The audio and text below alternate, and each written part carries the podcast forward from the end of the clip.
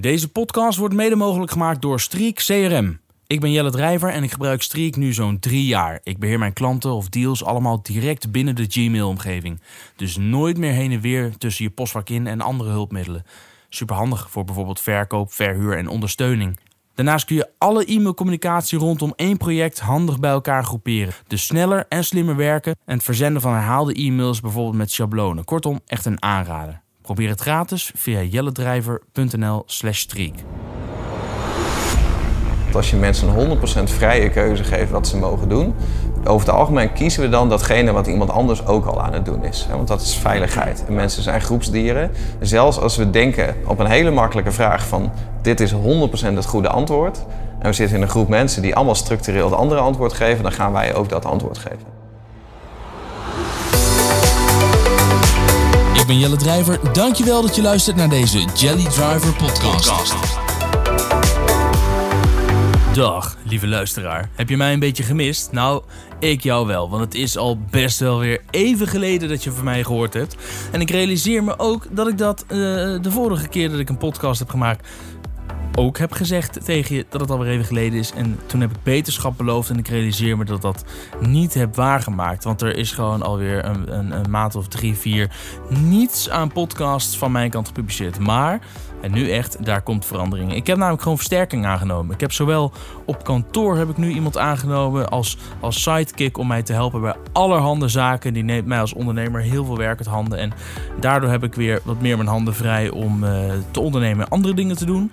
Uh, dus dit soort dingen inspreken. En ik uh, ben druk bezig met iemand die de montage van mijn podcast en misschien ook wel jouw podcast als je dat zou willen. Stuur me dan even een berichtje uit handen gaat nemen. Dus er komt verbetering aan. En zo heb ik dit keer weer een toffe podcast voor je klaarstaan. Met uh, uh, dit keer te gast Tony Loorbach. De man die mij jaren geleden online via een webinar wist te verleiden om een cursus te kopen van zo'n nou, 2000 euro. Ik verkocht toen volgens mij nog uh, reclame in voetbalstadions. Dus jaren geleden, nog voordat ik aan het ondernemen was. Maar 2000 euro heb ik zo betaald. Uh, als ik me goed herinner, misschien zelfs wel iets meer nog. Voor een, een, een, een, cursus, een pakket met lifetime toegang. En als je nu beslist, diverse bonussen.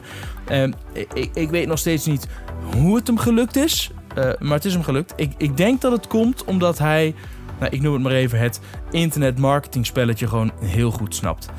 Nu, jaren later, heeft Tony zo'n uh, zes BV's, uh, verschillende diensten die hij online aanbiedt, uh, software enzovoort. Hij is inmiddels afgestapt van een eenmalige betaling en daar dan lifetime access voor aanbieden. hij verdiept zich enorm in neuromarketing en de kracht van communities. wil je nou bijvoorbeeld weten waarom Tony aanbeveelt om een community op een apart platform te bouwen? Terwijl ik juist denk, ja, mijn doelgroep ziet me aankomen. Hè? Moet ik weer ergens een profiel aanmaken? En moet ik nog een platform uh, in de gaten gaan houden? Terwijl ik juist het gevoel heb dat mensen vooral steeds minder van dat soort shit willen. Toch zegt Tony: nee, nee, nee, nee. Je moet dat op een apart platform doen. Het bouwen van die community. Hmm. Waarom? Dat hoor je in deze podcast. Maar daarnaast zit hij ook boordevol met ondernemerservaringen van Tony. Hij zit bomvol met uh, wijze lessen, met uh, favorite failures. Nou, uh, kortom, volgens mij een te gekke, toffe podcast met internetondernemer Tony Loorbach. Tony. Hi, Jelle. Ik vind het wel gezellig dat ik hier bij jou ben, thuis. Een prachtig huis in Amsterdam. Ja. Ik heb jou denk ik voor het eerst, ik weet niet of ik je voor het eerst gezien heb of gehoord. Ik heb ook ooit een keer een webinar gevolgd. Mhm. Lang geleden. Dat was het eerste webinar dat ik ooit volgde. Toen kreeg ik dat via via doorgestuurd. Waarvan ik me sindsdien afvraag later... Shit, zou dat een affiliate geweest zijn of niet? zou, dat zou, zou maar zo kunnen. Maar volgens mij was dat een, toen een, uh, uh, een webinar door Ilko de Boer. Jij was toen zijn compaan, sidekick. Hoe moet ik het, ja, hoe moet ik het Ja. omschrijven? Ja, rechterhand, werknemer. Rechterhand, ja. Directeur. Maar Ja. ik weet niet. Ja, we hadden maar één personeelslid op een gegeven moment. Dan ben je natuurlijk zowel manager als directeur als eh, personeelslid. Ja, was eigenlijk, ik had, later kreeg ik het gevoel, jij deed al het werk. Nou, het kan zijn dat ik dat zo heb geprobeerd eh, te framen. Maar eh, dat is natuurlijk mee. niet helemaal waar. nee. Je zat toen nog in Groningen, Ja, later naar Amsterdam gegaan. Duidelijk internet marketing minded aan alle kanten. En op een gegeven moment heb jij besloten om voor jezelf te gaan beginnen, zou ik het maar zeggen. Ja. Van waar die keuze toen? Want jullie waren een succesvol koppel. Ja, klopt. klopt. En, en zo zijn we ook verder gegaan toen. Hè, was, ehm, ik heb de hele tijd eh, voor Ilko gewerkt. En hè, dat was inderdaad een beetje verdeling. Hij de ondernemer en ik zijn uitvoerende rechterhand. En Ilko was dan met name hè, het gezicht en, en, en van, van de inhoud, hè, dus de, de kennis. En ik bouwde dan de websites en ik ondersteunde hem daarbij. En dat werkte heel goed. Alleen op een gegeven moment merkte ik wel van ja, weet je, dan kom je een beetje aan het plafond van je groei. En ja, ik had het idee van ik wil eigenlijk wel een stap verder. En ik zou ook toch ook wel iets voor mezelf willen. Ik begon een beetje te kriebelen. Ehm, en toen was het eigenlijk Ilko die tegen mij zei van ja, waarom, eh, waarom word je geen ondernemer? Want ik zat er eigenlijk aan te denken om uit dienst te gaan en ergens anders te gaan werken. Maar ja, die, die, Dat had je zelf nog niet bedacht, want dit kan ik ook voor mezelf doen. Nee, ik had, ik had die ambitie op die manier niet. En ik voelde dat, dat vertrouwen ook niet zo. Dat ik, van, ik wil nou voor mezelf beginnen. En denk, ja, dat wordt voor mij dan... Ja, dan ga ik van een bedrijf van twee mensen... ga ik naar een bedrijf met één mens. Daar wordt het niet gezelliger van. Echt nog drukker. ja, maar ook gewoon, weet je, dan ben je helemaal alleen. Want ik was naar Amsterdam verhuisd en ja, alle studiegenoten zaten nog in, in Groningen. En middelbare schoolvrienden zaten nog in Groningen. Familie zat nog in Groningen. Dus ja, ik was hier best wel alleen. En dan is het wel moeilijk om een sociaal leven op te bouwen. En als je dan ook nog in je eentje gaat ondernemen, ja, dan Ja. maak je het niet makkelijker voor je jezelf. geen collega's tegen. Nee, maar, maar wat je zei, die- die samenwerking met Ilko was heel sterk. Dus Ilko zei van ja, hè, laten we dan met z'n tweeën een nieuw bedrijf starten. Wat dan gewoon jouw bedrijf is, maar dan kan ik het promoten. Eh, en dan heb je gewoon je eigen product. Maar dat was winst.nl. Eh, nee, dat was winst.nl was, was de website die, eh, die ik toen nog heb opgezet. Dat was een nieuwe bedrijfsnaam van Ilko. Daar is hij toen mee verder gegaan. Ja. Ehm, en wij hebben toen Internet Marketing Universiteit gestart. Maar dat heb je wel samen met Ilko gestart? Ja. Oké, ik heb altijd gedacht dat het volledig jouw kindje Ja. was. Ja, nou, maar in principe was dat ook de samenwerking. Hè? Dus, we- dus het werd mijn bedrijf en Ilko die zou het dan mede promoten, omdat we in dezelfde markt zaten. Ja. Hij al een enorme followerbase had. Ja, Toen kon je nog klopt. iets makkelijker je, je mailinglist ook aanschrijven voor Ja. niet per se direct eh, aanverwante producten. Ja, maar we merkten toen dat, dat eh, samen met Ilko leerden we heel veel ondernemers online marketing. Hè? En eh, ook op seminars, hè? daar zat jij ook wel eens in de zaal. Dus ik denk dat je me eerder gezien dan, dan gehoord hebt. Want we Ja. deden eerder seminars dan webinars. Nou, ik heb op een gegeven moment ooit een keer eh, de business in een box gekocht. Tijdens een eh, webinar. En Ah, ja. daar was toen een van de vele bonussen. En Ja. achteraf heb ik eh, wat meer beeld bij hoe dat eh Mhm. internetmarketingspel destijds werkte. En, en dat werkte prima. Dus, Mhm. Ehm, maar toen kreeg ik als bonus kreeg ik dan ook eh, toegang tot een tweedaags eh, seminar in de bossen in Zeist. Oh ja. En Ah, daar ja. was ik een Daar, eh, daar mee. waren wij. Ja. Nou ja, maar toen merkte dat, dat de, de grote vraag van heel veel ondernemers, en nog steeds, is met name de uitvoer. Hè? Dus de techniek. Hè, Als ik jou een online marketing cursus geef en ik leg je uit van ja, als jij beter gevonden wil worden in Google, dan moet niet alleen je zoekwoord op de juiste plekken staan, maar dan moet je ook bijvoorbeeld je interne links automatiseren. Ja. Nou, dan denken 9 op de 10 ondernemende luisteraars van ja, leuk, maar hoe doe ik dat? Ja. Als ik zeg je moet schone code maken of je moet mobile first of je moet een landingspagina en er moet dan een afteller op of een, een pop-up, maar dat moet dan een two-step pop-up zijn. Nou, zo kan ik wel honderden dingen noemen. En de meeste dingen daarvan zijn technisch heel specifiek. En heel veel ondernemers zijn niet technisch. Dus dat was destijds ook het gat in de markt. Ja. Dat Ilko leerde mensen met name het wat. En dan kon ik het hoe verkopen. En Ja. Dus toen ben ik website software gaan verkopen. Ja, ja precies. Want, want toen de tijd, eh, jullie waren altijd van het je moet zoveel mogelijk kennis gewoon delen en weggeven. Hè. Aartjan, er, eh, eh, ja, Aartjan Erkel heet die. die heb ik, Van Erkel. Van Erkel. Aartjan van Erkel. Ja, ik ben altijd in de war met Arjan Erkel en Aartjan van Erkel.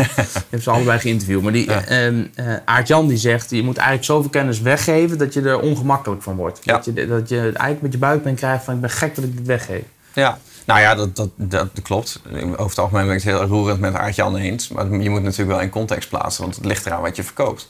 Kijk, ik heb het voordeel dat ik kan al mijn kennis gratis weggeven, want ik verkoop geen kennis. Ik verkoop de software. Hè, of eh, in de IMU, hè, want ik heb nu zes bedrijven. Daarvan zijn drie softwarebedrijven en drie andere bedrijven. En eentje daarvan is IMU. En daarin verkopen we wel een soort kennis. Maar dat is met name eh, coaching en begeleiding. Hè? Dus dat is niet die pure statische informatie. Want ik vind dat weet je, mensen zoeken over het algemeen online niet zozeer naar informatie. Hè? Dat, is- dat is een grote misvatting van deze tijd. Maar mensen zoeken naar een toegevoegde waarde op informatie. Ja, en ik vind online is alles te vinden. Hè? Mhm. Dus ik, ik heb wel eens, eigenlijk heb je geen enkele cursus nodig. Want als je maar tijd hebt, dan kun je alles online vinden. Ja. Alleen het filteren van die shitload aan informatie op internet... tot wat jij specifiek nodig hebt Mhm. voor het specifieke probleem... waar je dan op dat moment tegenaan loopt. Daar is een gat in de markt. Dus als jij kan zeggen, hier heb je een hapklare brok... waarin Ja. ik je precies die informatie geef voor ja, dit maar dan probleem. is, dan is eigenlijk ofwel jouw, jouw ervaringsdeskundigheid of jouw didactiek. Hè, je zegt, ik heb een heel moeilijk vak heel simpel voor jou gemaakt. Dat is je toegevoegde waarde. Dat is wat je verkoopt. Hè, dat is bijvoorbeeld, eh, stel dat jij wil leren gitaar spelen. Ik weet niet of je dat kan. En we stel dat je dat zou willen Stel, leren. ja. Kijk, ondernemers hebben dan de neiging van... nou, ik ben een gitaarleraar en ik heb heel veel verstand van mijn vak... en ik vind het fantastisch. Dus die passie die ik heb, die moet die klant ook maar voelen. Dus dan zou ik tegen jou zeggen van... weet je, als je mijn cursus koopt... dan krijg je van mij eh, 430 video's die je allemaal kan kijken. En dan krijg je lesboeken met, eh, met honderden oefeningen. En dan krijg je van mij huiswerk wat je in kan sturen. En ja, dan geef je zo'n enorme berg aan informatie. Of als je iemand wil leren afvallen van... nou, weet je, als je nou eindelijk van die overtollige 10 kilo af wil... dan heb ik een programma voor jou. En als je nou een half jaar lang elke dag een video van een uur kijkt... en dat allemaal gaat doen... ja, dan word je een voedingsexpert en dan ga je afvallen. Ja, dat willen mensen niet. Want mensen, als ze dat zouden willen, dan waren, ze, dan waren ze zichzelf al aan het omscholen geweest.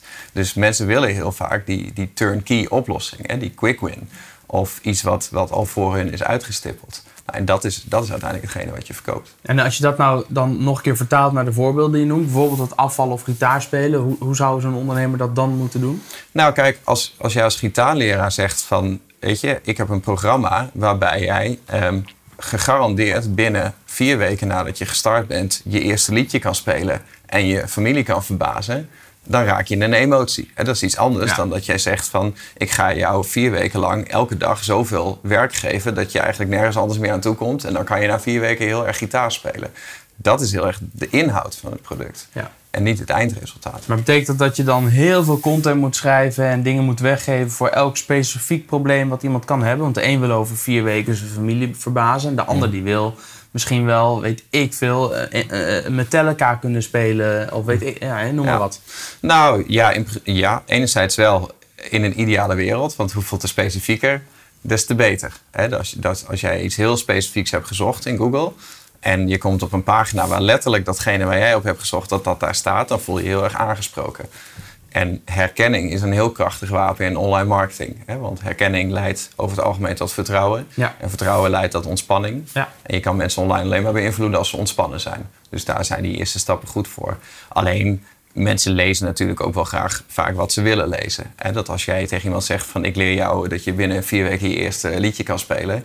dan zal een goede verstaander daar genoeg aan hebben. Want ik van, hè, dan zal dat misschien ook wel Metallica kunnen zijn. Dus ik weet niet of je eh, content moet schrijven. Want dat, is- dat is een beetje het probleem. Dat is net als met de stelling van ja, eh, je moet zoveel weggeven dat het eigenlijk een beetje pijn doet. Ik denk ja, ik snap die tip waar die vandaan komt. Alleen het betekent niet dat je er een sport van moet maken om zoveel, Zoveel mogelijk weg te geven. Nee, helemaal niet. Nee, je moet zoveel weggeven als dat, als dat nodig is. Het gaat meer om dat je niet bang moet zijn om iets weg te geven. Dat je denkt van, oh, maar als ik nu... Ik heb dan een boek en als ik daar dan tips die in het boek staan al gratis ga weggeven... dan kopen mensen misschien het boek niet meer. Want dat, dat is niet het geval. Dus die angst moet je niet hebben. Ja, ja. Dus je moet de beste tip uit het boek misschien wel gewoon delen. En dan de rest staat in het boek. Ja, juist wel. Ja, ja want het is vaak als Is er een mensen... verhouding voor? Eh, Dat je zegt van, nou weet je, als je nou een, een bak aan kennis hebt. Hè, ik heb een podcastcursus, die heb ik online en offline. Mhm. Nou, dan, dan, dan- ik, af en toe dan deel ik wel eens een tip die ook in die online cursus zit. Ja. Eh, En af en toe zet ik wel eens openbaar op YouTube een video over hoe je iets doet. Omdat ik weet dat dat iets is waar podcasters die net beginnen tegenaan lopen. Ja, En dan klopt. denk ik ook, ja, shit, dat staat ook in mijn cursus. Dus voor dat onderdeel hebben ze nu mijn cursus al niet meer nodig. Dat voelt ongemakkelijk. Ja, klopt. Voelt, ze voelt een beetje als verlies. Omdat je bang bent dat mensen ofwel dan je cursus niet meer nodig hebben... of dat als ze hem wel kopen, dat ze dan denken... ja, maar hey, het, eh, dit eh, stond ook gewoon gratis op YouTube... dus eh, nou wil ik mijn geld terug. Ja, dat En gebeurt niet. Dat gebeurt niet. Nee, want ik, ik snap die gedachte wel. Maar ik denk, ja, als ik kijk op, op mijn website... daar staan op dit moment iets van duizend blogs over online marketing... maar er is niemand die al die blogs gaat lezen. Hè, dus juist omdat ze denken van, nou, ik wil niet al die blogs lezen... dus ik ga de cursus kopen, want dan krijg ik het in videovorm... En dat, dat is bijvoorbeeld al een heel ander medium. Hè? Maar heel veel van die video's zijn ook openbaar. Hè? Ik heb ook een paar honderd YouTube-video's. En daar, wordt ook wel heel veel in uitgelegd. En ik geef gratis webinars waar ik ook alles wel in weggeef. Maar wat mensen uiteindelijk bij me kopen is dus niet die informatie, maar, maar net dat stukje extra. En bij mij is dat dan vaak bijvoorbeeld de community. Dat ze met andere ondernemers kunnen sparren. Ehm, of, of de didactiek, hè, dat ik het in een bepaald eh, stappenplan voor ze heb geplaatst, zodat ze uh, meer online coaching gaan hebben. Ehm, of gewoon het contact met het bedrijf. Want heel veel mensen willen gewoon uh, de persoon achter een product kopen. Grappig is dat, hè? ik kreeg laatst inderdaad een tip van een, een van onze huurders. Um, en die zei je hebt nu die podcastcursus online staan. En dan zeg je, hey, je kan dan de online cursus kun je kopen. En by the way, we hebben ook af en toe offline. En hij gaf eigenlijk tip. Hij zei, waarom ga je niet focussen op die offline cursus? Mhm. En geef je de online cursus als bonus gewoon erbij als naslagwerk. Hij zei, ik denk dat heel veel mensen het super tof zouden vinden om juist van jou Mhm. te leren podcasten. Klopt. En toen dacht ik, heb ik, zo heb ik het nog helemaal niet bekeken. Dus ik had helemaal alle aandacht op die online eh, cursus. En toen ben ik het inderdaad gaan omdraaien. En dat Mhm. blijkt inderdaad te werken. En mensen hebben ook nog eens een keer meer geld over om een dag lang met mij één op één op kantoor te zitten sparren. Of met een groepje van maximaal vier deelnemers. Ja. eh, om aan hun podcast te bouwen.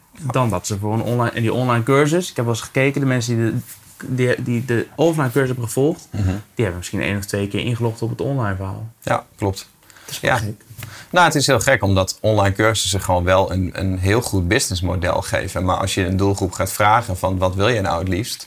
Mensen houden meestal over het algemeen niet zo van cursussen of van eh, terug de schoolbank in. Hè? Mensen willen geen, geen les hebben. Mensen willen niet iets leren. Dat zijn allemaal een beetje van die prikkeldraad Ze willen iets worden. kunnen, maar ze willen Ja, niet iets leren. Klopt, Ja. ja. Dus je gaat niet een opleiding doen omdat je die opleiding zo leuk vindt. Maar over het algemeen omdat je die diploma nodig hebt om Ja. je droombaan te krijgen. Zoals eh, Jos Burgers zegt, eh, mensen kopen geen boormachine omdat ze een boormachine willen hebben, maar ze willen een gat in de muur. Ja, klopt. Ja. Gek op gaten. Ja, klopt. Ja. Ja. Oké, je bent nog een keer vanuit Groningen ben je naar Amsterdam gegaan. Toen samen met Ilko. eh, Winst.nl nog gebouwd voor Ilko. Toen ben je met de IMU, Intermarkt Universiteit, eigenlijk voor jezelf begonnen met Mhm. Ilko wel als partner weer. Mhm. En inmiddels heb je zes ondernemingen, drie Ja. software en drie andere. Ja. Vertel, waar verdien jij nu je geld mee? Ehm, ja, nou ja, met, met die zes bedrijven in principe. Ja? Nou ja, kijk, het, het Wat is, doen die zes? Drie software en drie andere? Ja, nou, kijk het, is, het is begonnen als Internet Marketing Universiteit. Dat was één bedrijf. Ja, wat was toen je dienst? Wat leverde je toen? Een eh, paar dingen, maar met name software. Dus echt de website software, wat nu Phoenix heet. Ja. Dat, eh, dat vanaf 2010 is dat eigenlijk het, het kernproduct geweest. Waarmee ondernemers hun eigen website kunnen bouwen. En daar hebben we enerzijds een focus op SEO, dus goed scoren in Google. En anderzijds een focus op conversie. Zodat mensen landingspagina's kunnen maken en funnels en ja, een, hele, een hele salesmachine kunnen bouwen. Ehm, en daarnaast heb ik altijd cursussen verkocht. En ehm, eh, nou ja, eh, vormen, vormen van informatie. Maar naarmate het groter is geworden, ja, op een gegeven moment komen er meer producten bij en wordt een bedrijf groter. En voor mij werd het nuttig om dat te gaan, te gaan afsplitsen. Enerzijds omdat ik dan in één bedrijf de focus kan houden. Ja. Dus daarom hebben we bijvoorbeeld nu ook Phoenix uit de IMU gehaald. En zijn dat dan nu twee BV's. Eh, en is IMU alleen nog maar een kennisplatform. Dat heet nu ook Internet Marketing Unie omdat het nu veel meer gaat over het verbinden van ondernemers. En ja, we verkopen nu eigenlijk een community en een lidmaatschap. En niet meer zozeer alleen maar die cursussen. En Phoenix BV is dan echt een, een softwarebedrijf. En Ja. Enerzijds geeft dat heel veel focus. Maar het voordeel voor mij was ook dat ik wilde heel graag ehm, ja, partners gaan betrekken in die producten. Hè. Dus Mhm. bijvoorbeeld ook jongens die bij mij op de loonlijst staan. Om die na een paar jaar de mogelijkheid te geven om te, om te gaan partneren. Ja. En ik had het er ooit met mijn broer over, die, eh, die is boekhouder. En die houdt me gelukkig altijd heel scherp. Ik zei, ja, weet je, ik kan mijn aandelen maar één keer weggeven. Ja. Hoe ga ik dat nou verdelen met oog op de toekomst? En toen zei hij, ja, als je te weinig aandelen hebt, dan moet je gewoon meer aandelen creëren. Dus ja, maak dan meerdere bedrijven. Hè. Zeg dan een softwarebedrijf, hè, bijvoorbeeld met Phoenix. Hè. Daar kunnen dan de jongens die Phoenix hebben gebouwd, die gaan daar straks vanaf januari in partneren. Hm. Maar alleen in Phoenix, want die hebben met IMU hebben zij natuurlijk niet zoveel te maken. Slim. Ja. Zo En je maakt het verkoopbaar ook. Je kan ook op een gegeven moment over een x-periode gewoon überhaupt zeggen... ik verkoop Phoenix, maar de rest blijf ik doen. Ja, klopt. Ja, dus het, moet, het is altijd een beetje... Internet Marketing Universiteit was ook altijd een beetje de grote Tony Loorbach show. Zeker, En, eh, en ja. ik kan me ook herinneren dat... eh, ik had ooit een keer een eh, koffiedate met, met Maasbert Schouten.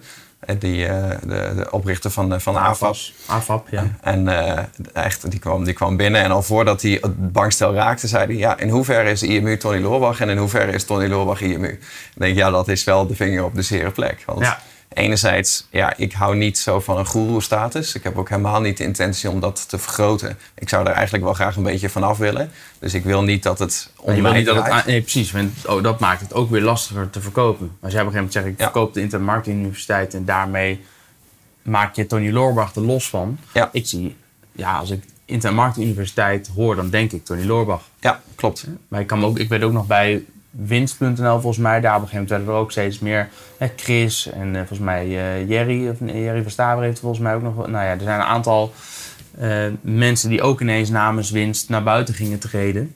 Dus het werd daardoor minder per se Ilko en Tony. Ja, nou ja, kijk, dat, dat, is, dat is een iets ander verhaal, denk ik. Er zijn wel mensen weggegaan bij winst die gewoon een eigen business zijn gestart, maar niet onder de vleugel van. Eh, Chris is een samenwerkingsverband van mij. Eh, Chris heeft eh, een tijd bij, bij ook al gewerkt. Toen is hij naar IMU gegaan. Heeft hij een tijd sales voor mij gedaan. Toen een tijd Facebook marketing. Ja. Op een gegeven moment, ja, hij had zijn plekje veroverd binnen het bedrijf. Dat hij zei van ja, ik draai alle Facebook ads. Ja. En, eh, en deed hij hartstikke goed. En toen kwam hij naar mij toe. Toen zei hij, ja, die Facebook ads, die, eh, die kan ik eigenlijk ook wel eh, overal ter wereld draaien. Hoef niet voor op kantoor te zijn. Ik denk, nou, dat, dat klopt. Ja, goed zei hij, ja, vind je het goed als ik dan een jaar in Bali ga wonen? Ja. Maar dat ik wel voor je blijf werken. En ja, dan word je als, als Groninger word je best wel even getest. Hè? Als iemand zegt, mag ik dan in Bali gaan zitten, maar wel bij jou op de loonlijst staan? Hè? Want Ja. voor mij is dat... Ik ben, ik ben best wel traditioneel wat dat Ja, betreft. Waarop jij zei, nou, dat is best bespreekbaar, maar het leven in Bali is een stuk goedkoper. Dus we moeten het dan wel even over dat loon hebben. Nee, Oh. nee, nee. Dat, nee, dat, nee, is niet eens bij me opgekomen. Nee, we hebben dat gedaan. En, Natuurlijk en, kan dat. eh, Dat is, toch, dat is toch van deze tijd. Dat kan toch prima? Nee, hoort niet bij mijn cultuur. Nee, past er niet? Nee, niet gedaan? Nee. Heb je nee. niet gedaan? Oh, om, om daar naartoe te sturen? Ja, ja, dat wel. Ja, dat om te zeggen, maar- ga maar daar vandaan werken. Oh nee, ik dacht dat je bedoelde om meteen op het salaris te Nee, nee, nee, nee, nee, wij, hebben, wij, hebben echt, geintje. nee, Nee, maar- wij hebben echt een cultuur van, van mensen die samenwerken. hè. Of je nou werkgever of werknemer bent. Ja. Het is gewoon één groep. En met Chris had ik ook die band. Hè. Dus, dus dat, dat, daar hoefde ik niet over na te denken. Nee, ik doelde op het remote werken. Dat hij dus Ja. vanuit Bali gewoon prima Ja, zijn dat, werk dat hebben we wel gedaan. Ja. En ik vond, ik vond het wel spannend, maar, eh, maar dat, dat ging hartstikke goed. Maar ja, toen hij dat een jaar had gedaan, toen was ik op een gegeven moment op eh, ja, werkbezoek in Bali. en eh, ja, toen hebben we besloten van ja, weet je, je doet dit nu voor mij. Maar dat kan met, met minimale uren kan je dat doen. Dus dat kan je ook wel voor andere ondernemers doen. Ja. Dus toen hebben we ook een nieuw bedrijf gestart. Ja. Dus dat is uh, Switch Online Marketing. Dat is een van de bedrijven nu. Oh, wat grappig. Dus we hebben drie softwarebedrijven. Phoenix, eh Huddle, dat is onze community software. Dat hebben we ook intern ontwikkeld. En op een gegeven moment was er zoveel vraag naar dat we er een product van hebben gemaakt. Maar ja, dat werd ook wel heel logisch om dat naar een andere BV te doen. En te gaan partneren met, eh, met degene die dat gebouwd heeft. Nou, Plug and Pay is onze derde software. Dat is een, eh, Plug and pay. Nog een kleine service announcement. In deze podcast praat ik met Tony over de nog te lanceren dienst Plug and Pay. Maar ja, deze podcast is alweer even geleden opgenomen. Dus inmiddels is deze dienst gewoon alive and kicking en kun je hem gewoon gebruiken. Dus wil je meer weten over die dienst? Google er even naar en dan kun je er gewoon mee aan de slag. Hoef je niet meer te wachten. Lekker hè? Ja, die komen, eh, dat komt volgende maand op de markt. Dat is eh, onze betaalsoftware. Daar kan je betaalpagina's mee maken. Eh, Dat is dus ook weer een los bedrijf. En wat gaat dat doen? Ja, in principe alleen dat. Je genereert een betaalpagina. Dus je koppelt je Molly of je Stripe-account. En dan, dan maak je een, een strakke conversie geoptimaliseerde betaalpagina. Eigenlijk Thrivecard, maar dan wel met Molly. Ja, ja daar kan je het een beetje mee vergelijken. Ja, Ja, maar dan met, ik heb een paar jaar geleden, twee, ik denk twee jaar geleden, al een licentie gekocht bij Thrivecard. Mhm. Want die zouden nog verder gaan uitbouwen met koppelingen. En ik heb volgens mij toen 200 dollar of zo betaald. Omdat ik, en ik kon er op dat moment niks mee. hè, Mhm. maar dat was dan een lifetime license eh, in de, in de pre-launch. En ik dacht, nou ja, weet je, dat, eh, eh, hopelijk komt er een keer een koppeling met Ideal. Nou, Ja. Ze koppelen wel met Stripe, Mhm. maar nog steeds niet met Molly. Stripe heeft nu wel Ideal, maar dat werkt weer niet in Thrivecard. Dus ik geloof zeker, want ik heb er een paar jaar geleden al, zonder dat ik er op dat moment iets mee kon, 200 dollar voor betaald. Ik geloof zeker in ehm, het nut van zo'n conversie geoptimaliseerde. Ja, En, en bij Thrivecard kun je bijvoorbeeld zeggen, koop dit e-book voor een euro. En dan reken je af. Alleen dan krijg je op dat moment krijg je de optie erbij. Bijvoorbeeld als je nu, nu besluit om, dan krijg je ook met korting one-click upsell. Ja, Ja. dat Ja. zit erin. Ja, nou dat is iets wat ik dus ook graag wilde. Dus dat hebben we gebouwd. Kijk, wij hadden, in principe hadden we een aantal uitdagingen. Hè? Op het moment dat jij een online product wil verkopen, hè, wat wij dagelijks tientallen keren doen, dan heb je aan zo'n betaallinkje van Molly heb je niet zoveel. Want dat is alleen maar een betaalkeuzescherm. En conversieoptimalisatie gaat natuurlijk veel verder dan een betaalkeuze. Dus je wil even een omschrijving van je product, de benefits. Je wil een aantal hele goede testimonials wil je nog bij de afrekenknop hebben staan. Ja. Je wilt de Te laatste voorkomen dat mensen afhaken. ja, de bonussen, extra bevestigingen. Eigenlijk, je ziet de honderden dingen die Booking.com doet in zo'n afrekenproces. De kleinste details Ja. zorgen voor een conversieverhoging. En ook de mensen die weggaan, die abandoned cards, die wil je weer automatisch opvolgen. Dus op die ene betaalpagina kan je superveel doen. Ja. En ook orderwaardes verhogen. Hè? Van, jij zit nu in de checkout, maar wij noemen dat dan het kassakoopje. Van hey, je hebt nu zoveel besteld, wil je dit hele kleine productje er nog bij? En Ja. als dat je bij de Albert Heijn nog een- pakt. Ja, de Snickers pakt. Maar inderdaad ook die one-click upsell. Want ehm, wij merkten wat wij met name ook nodig hadden, was bijvoorbeeld voor abonnementen. Hè? Dat, is, dat is iets wat bijna niemand aanbiedt. Ja. Dat als jij een lidmaatschap hebt, dat er automatisch elke maand en geïncasseerd wordt Ja. en een factuur wordt gestuurd. Ik zou graag willen dat ik de eerste maand voor een euro kan aanbieden met 30 dagen cancel. Ik zie je nu al glimmen, dus dat Ja. zit erin. Ja, ja. Nou ja, dus dat ik, ik, dat, maar dat wil ik. Dat ik kan zeggen, joh, je wordt lid van de community. Je betaalt 1 dollar of 1 euro. Je hebt een maand ook weer om het op te zeggen. Dus als je na een maand opzegt, heeft het je 1 euro gekost. Ja.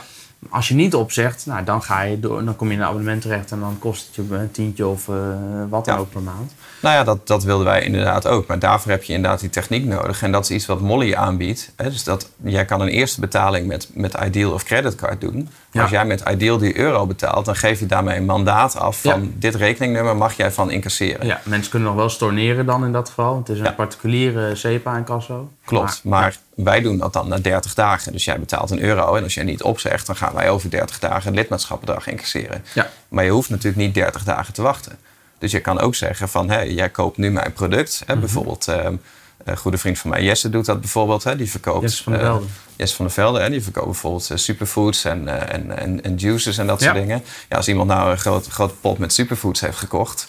en jij zegt op de bedankpagina van... hé, hey, eh, bedankt voor je bestelling, maar ja, je betaalt al de volledige verzendkosten. Dus wij kunnen jou heel goedkoop een tweede pot aanbieden. Ja. En je hoeft alleen maar op akkoord te klikken. Ja. Nou, dan klik je op voeg toe. Ja, en dan wordt die tweede pot wordt geïncasseerd van het rekeningnummer waar je net mee hebt betaald. En Ja. dat is die one-click upsell. Ja. Dus je hebt twee betalingen in dat geval. Dus de eerste wordt sowieso afgerekend. Want je wil voorkomen dat iemand bij de upsell toch nog weer denkt... hé, hey, wat is deze? Ja. Ik ga er weer over nadenken. En misschien moet ik toch nog even wachten of wat dan ook. Nou, je kan, je kan testen. Hè. Je hebt enerzijds de variant, wij doen dat bijvoorbeeld. Hè. Je, je gaat bijvoorbeeld Huddle bij ons kopen. Hè. Ja. Dus de community software, nou, 70 euro per maand. Maar eh, je wil daar bijvoorbeeld ook deze betaalmodule bij hebben. Hè. Want je wil lidmaatschappen gaan doen. Dan zeggen wij op de betaalpagina van... hey, wil je ook Huddle Pay toevoegen voor 30 euro per maand? Ja. Dat komt Ja. er dan meteen bij op. Ja. Maar we kunnen dat testen om te zien van wat gebeurt er nou als we dat weghalen. Je betaalt alleen die 70 euro. Maar na het afrekenen wordt gezegd van... hey, wil je Huddle Pay toevoegen? Ja, heel slim. En daarvoor hoef je dus niet meer je, je, je creditcard of je reader of zo te pakken. Je hoeft alleen maar op akkoord te klikken. super slim. Ja. Ja. Ja. dat, dat werkt volgens heel goed. Ja. Wat gaat het kosten? Plug and Pay. Ja. ehm, verschilt een beetje wat voor soort abonnement je hebt. Maar Welke abonnementen ga je aanbieden? eh, we gaan een 20 euro, een 45 euro variant aanbieden en een 175 euro variant. Per maand? Ja, ja dus de meeste mensen zullen voor de 45 euro variant gaan. Daar zit Want eigenlijk het dat is meeste de in. gulden middenweg. Nee, maar het, de, de, de, de 175 euro variant, het is meer enterprise. Als je heel veel transacties hebt, Mm. meer dan 1000 per maand. En daar komt ook affiliate systeem bij, dus dat is wat specifieker. Ehm, dat zal niet Het iedereen gaat wel meteen hebben. jeuken, want dat zit dus niet in die 45. Nee, een affiliate systeem is ook best wel een uitgebreide extra Ja. module. Ja. Maar ja, het is Dat staat bij natuurlijk... Thrivecard, zat dat er volgens mij eh, zat dat daar wel bij in, als ik me niet vergis. Ja, dat dat was, kan. ik, weet nog dat, nou, maar ik weet nog dat dat toen een van de redenen was dat ik dacht, ja, dan heb ik gewoon alles in één pakket. Ja. Ja. Maar ga je ook pre-launchen met, een- met een dikke stunt, of is het gewoon lanceren, maar dit is het? Nee, in, in principe is het er al. Er zijn nu mensen aan het beta testen. Wij draaien er al op. En ja, goedkoper dan dit kan ik het niet gaan maken. Want, ja, maar want- soms weet ik wel. dus ja. Soms heb je wel eens met, met hè, voor de eerste, de eerste, tijdens de lancering nog een... eh, Ja. Tenminste, dat doet, eh hoe heet hij ook weer...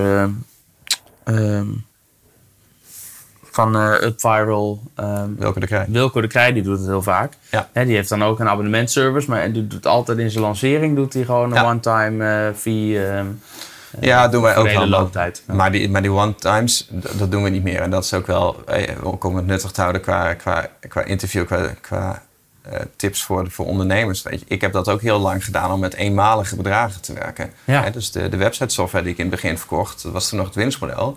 Dat verkocht ik voor 2, 2.500, soms 3000 euro. Ja, verschrikkelijk. De techniek gaat door, je moet dingen aanpassen, maar er komt geen geld meer binnen. Nou, kijk, het voordeel ervan was dat, dat ik als startende ondernemer hele hoge omzet en hele hoge Ja. cashflow in het begin binnenkreeg.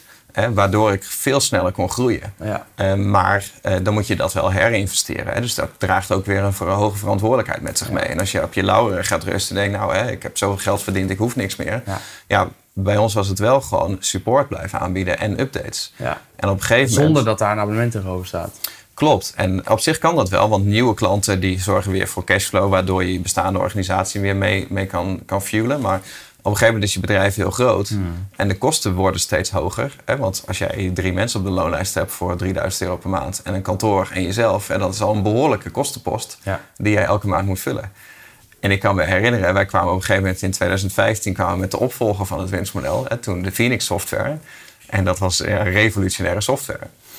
En toen las ik, eh, ik las laatst een artikel van een professor aan Harvard. En die zei bij nieuwe software zie je een fenomeen dat bestaande gebruikers eh, de neiging hebben om op irrationele wijze de oude versie van een software te overwaarderen. Oh ja? En bouwers hebben de neiging om op irrationele wijze de nieuwe versie van de software te overwaarderen. En dat merkten wij ook. Wij dachten, de software is zo gaaf. Dus wij gooiden daar heel veel marketing tegenaan. Waardoor al onze bestaande gebruikers overgingen. Dus we kregen 600 aanvragen binnen een week. En dat legden we een hele organisatie plat. Maar dat waren 600 mensen die geen eurocent meer betaalden. Die hadden dat jaren daarvoor al gedaan. Ja. Dus dan heb ik ineens een bedrijf met 40.000 euro kosten per maand en, en geen inkomsten. En dan ga je met die nieuwe software de markt op. En dan merk je dat mensen niet zo heel erg van nieuwe software houden. Wel van verbeterde, maar niet van nieuwe. Dus als jij de naam aanpast, dan denken mensen, nu is het iets nieuws. Dus nu gaan we kat uit de boom kijken. Ja. En dan, dan valt de omzet stil. En ja, dan wordt het ineens heel gevaarlijk natuurlijk. Ik, had, ik heb een tijd eh, een, een, een, online cursus gehad voor Facebook voor bedrijven. Mhm. En ehm, eh, alle video's, alles gemaakt. En toen liep ik op een gegeven moment, had ik ook een one-time fee. Ehm, en toen merkte ik ook dat Facebook ging, was om de haverklap zijn design aan het aanpassen. Dus dan had ik net uitgelegd waar je op moest klikken en zat de knop ergens anders. Dat soort shit. Ehm, nou, daar ben ik heel snel weer mee gestopt toen. Ja. Omdat ik, en daar zat een shitload aan tijd in. Mhm. Eh, ik kon natuurlijk niet tegen de bestaande klanten op dat moment zeggen van hey, we gaan er nu een maandelijkse of een eh, jaarlijkse fee van maken. Maar achteraf gezien had ik dat vanaf het begin moeten doen. Gewoon zeggen, joh, ik ga je blijvend supporten. Ik, ga, Mhm. je, ik, ga, ik ga alle lessen up-to-date houden. Ja. Ja, daar gaat dus blijvend werk in zitten. En daar vraag ik ook een blijvende fee. Totdat jij op een gegeven moment denkt, nou dan kan ik het zelf Ja. wel. Dan stop je die fee weer. Ja. Ja, dat was voor mij wel een, eh, een eye-opener. Een van, de, een van de favorite failures uit, eh, uit mijn online eh, carrière. Dat ik dacht, die one-time fee, dat gaat je op een gegeven moment nekken. Ik moet wel zeggen, op het moment dat er handige of interessante software komt, dan ben ik er nog wel gevoelig voor om hem Ja. toch maar te kopen als het een lifetime fee is aan het begin. Nou, een combinatie kan heel goed werken als jij ehm zoiets hebt van ik heb cashflow vooraf nodig. Hè, dat je bij een grote lancering, en dat, dat is waarschijnlijk ook waarom Wilco dat doet. Eh, ik ken Wilco redelijk goed. En, eh, en ik weet hoe goed zijn business draait. Dus in principe zou hij dat niet nodig moeten hebben. Maar Ja. hij zou daar een reden voor hebben dat hij dat, hij dat doet. Ehm, dat, dat je natuurlijk heel snel gewoon funding ophaalt om door te kunnen investeren. Want die programmeurs die zijn ook allemaal niet gratis. Nee, en, zeker niet. En software. hij er een hoop remote, maar dan nog. Ja, maar software ontwikkelen heeft echt een burn rate. Dat slaat nergens op. Ja. Die Phoenix software die wij nu hebben, ja, kost nu 200 euro per maand. Maar ik heb er natuurlijk al meer dan een miljoen aan investering in zitten. En dan kan een, een ondernemer denken van oh, 200 euro per maand is wel duur. Dan denk ik, ja, moet je nagaan wat ik erin geïnvesteerd heb om het zover te krijgen. Ja. En software is gewoon heel duur. En het duurt jaren voordat het datgene is wat het is. Wat, wat Phoenix nu is, na acht jaar, is eigenlijk een beetje wat ik heel graag in 2010 had willen laten bouwen. Hè? Maar Ja. je gaat van versie naar versie naar versie. Ja, en daar, daar, ja, dat, dat is gewoon lange adem. Een Ja. softwarebedrijf starten is heel iets anders dan een product verkopen. Ja. En nu komt de WordPress eh, met eh, WordPress 5. Mhm. Eh, heeft dat dan, moet er dan weer een smak geld tegenaan om alles daaraan te koppelen? Of is daar rekening mee gehouden? Nee, nou, nee, in principe zijn wij bijna los van WordPress. We gebruiken alleen een heel stukje WordPress voor het bloggen. Dat is gewoon waar WordPress goed in is. Dus Ja. waarom zou je dat vervangen? Je kan het heel goed aan elkaar verbinden. En dat is ook wel wat ik gemerkt heb. Enerzijds hebben we natuurlijk al die bedrijven losgetrokken. Zodat je per bedrijf veel meer een focus hebt van hè, wat, wat meer afkadering van wat doet dit bedrijfje nou eigenlijk? Wat doet dit team? In plaats van daarvoor, toen alles IMU was met verschillende producten, toen was het één groot superorganisme geworden. En dan zie je ook dat dat doorslaat op je producten. Hè? Dus dat je veel meer gaat aanbieden dan het goed voor je is. En dat je producten, bijvoorbeeld bij wij dan mijn software, veel meer features krijgen die, die er eigenlijk helemaal niet in zouden moeten. Ja. We, noemen dat feature creep. Hè? Dan wordt een product wordt dusdanig uitgebreid dat het niet effectief meer is. Ja, ik weet nog dat ik heb ooit uh, met de mannen van Moneybird gesproken in Enschede.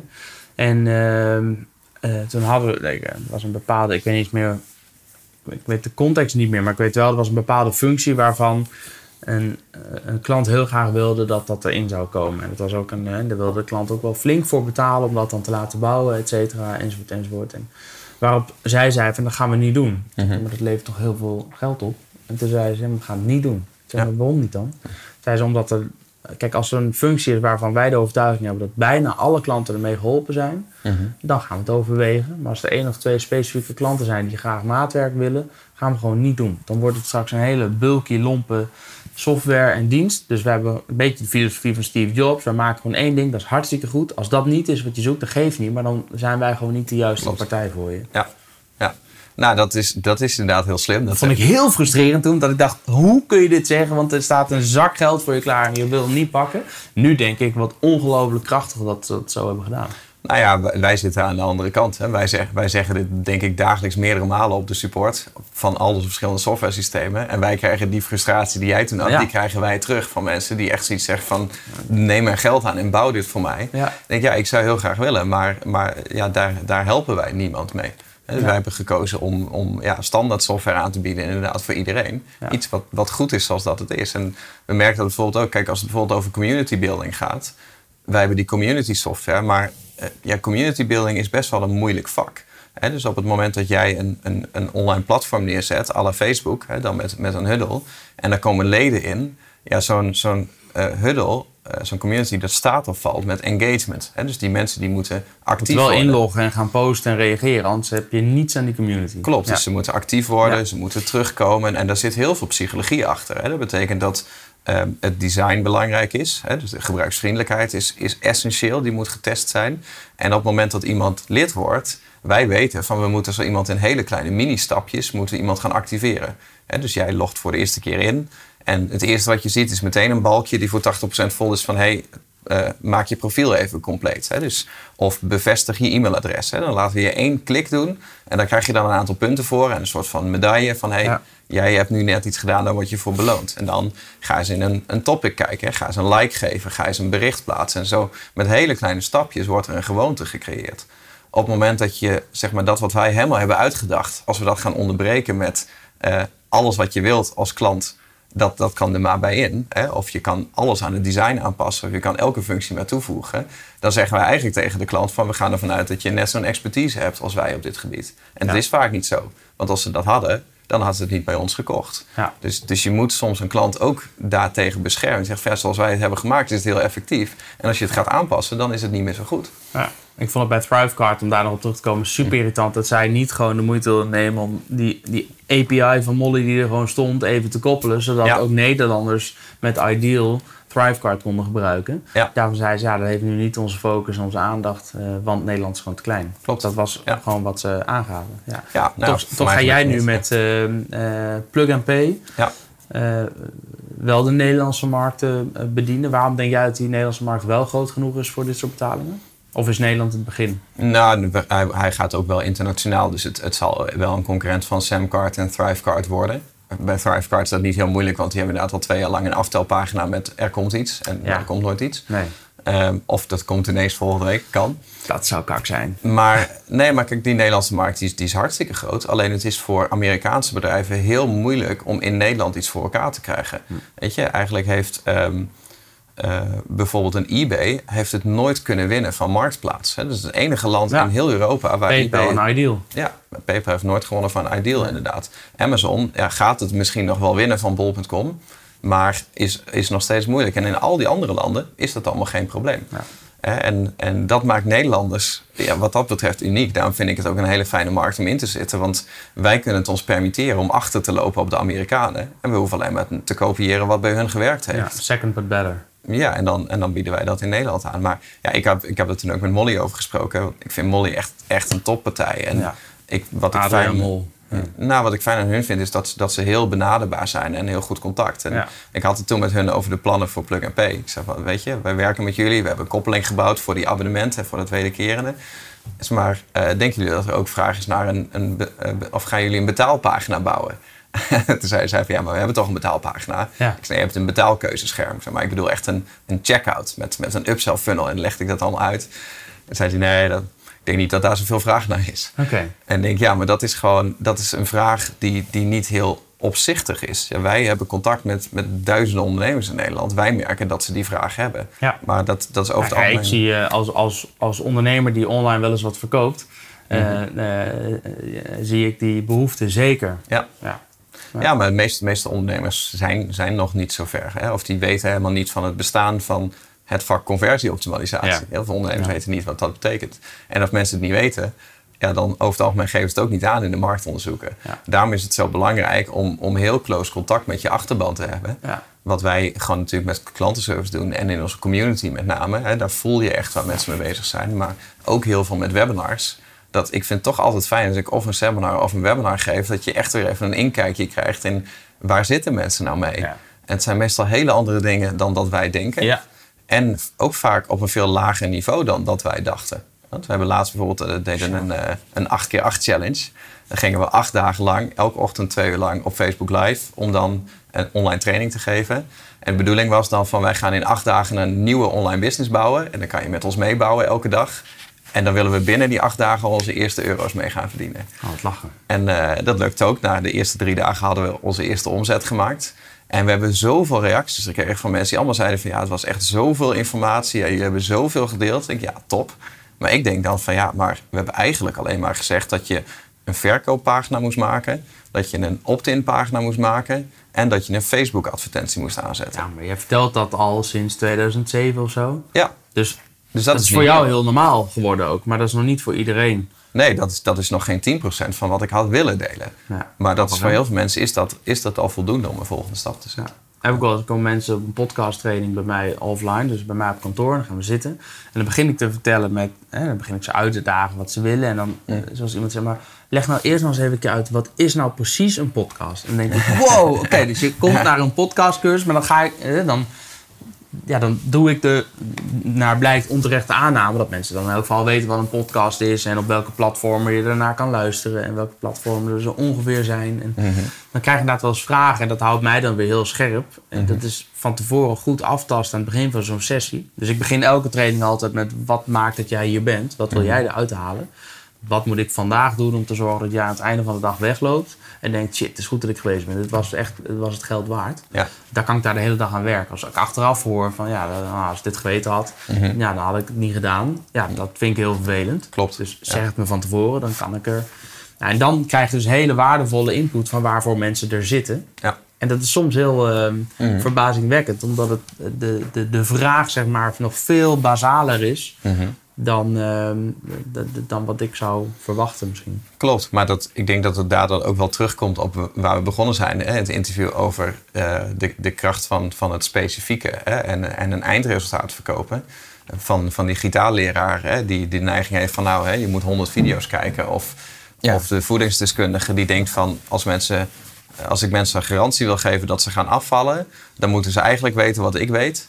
Dus dan ga ik ze alles proberen te leren wat ik weet. En, en dan, dan ga je je vak overdragen in plaats van, eh, van je wijsheid. Ja. Wat jij uit dat vak hebt gehaald. En, en dat, is toch, ja, dat is toch een beetje een eigenschap wat heel veel ondernemers hebben. Dat ze over het algemeen hun doelgroep overschatten.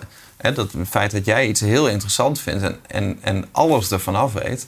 Dat betekent niet dat, dat jouw doelgroep dat ook heeft. Of überhaupt ook maar die intentie heeft. Of daar meerdere uren per dag mee bezig is. En die, die valkuil die wil je niet intrappen. Je hebt een paar keer genoemd eh, de Huddle. Je zei al, Phoenix is een BV, de Huddle is een BV. Wat doet nou de Huddle? Dat is die community software die Ja. sinds 2006 zei je. Ja, 2006 of 16?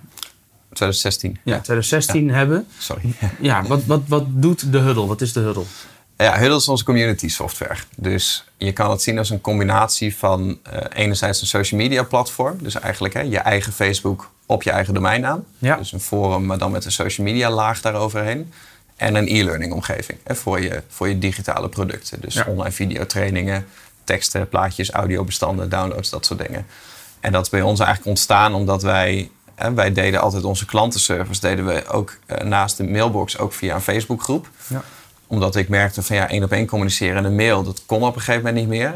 Dus toen zeiden we tegen al onze klanten van nou, hè, we hebben een Facebookgroep aangemaakt. Zou je daar je vraag willen stellen? Dan gaan wij hem daar beantwoorden. En mocht je een vraag van iemand anders zien, waar jij het antwoord op weet, zou je die dan voor ons ook willen Ja, be beantwoorden? nice. Ja. Ja, en natuurlijk niet iedereen doet dat, maar een heleboel mensen wel. Want enerzijds mensen doen vaak liever iets voor een ander dan dat ze voor zichzelf doen. En social media draait om erkenning. Dus als jij mijn website software hebt gekocht vorige maand en jij hebt de eerste dingetjes al ingericht en er komt nu iemand in de groep en die zegt, oh, ik, eh, ik kan dit niet vinden. Jij weet, jij weet dat. Ja, Ja. dan is dat erkenning. Ja, Want je tuurlijk. kan iemand helpen en dan krijg je een like en een bedankje. En daar, daar wordt jouw dag goed van.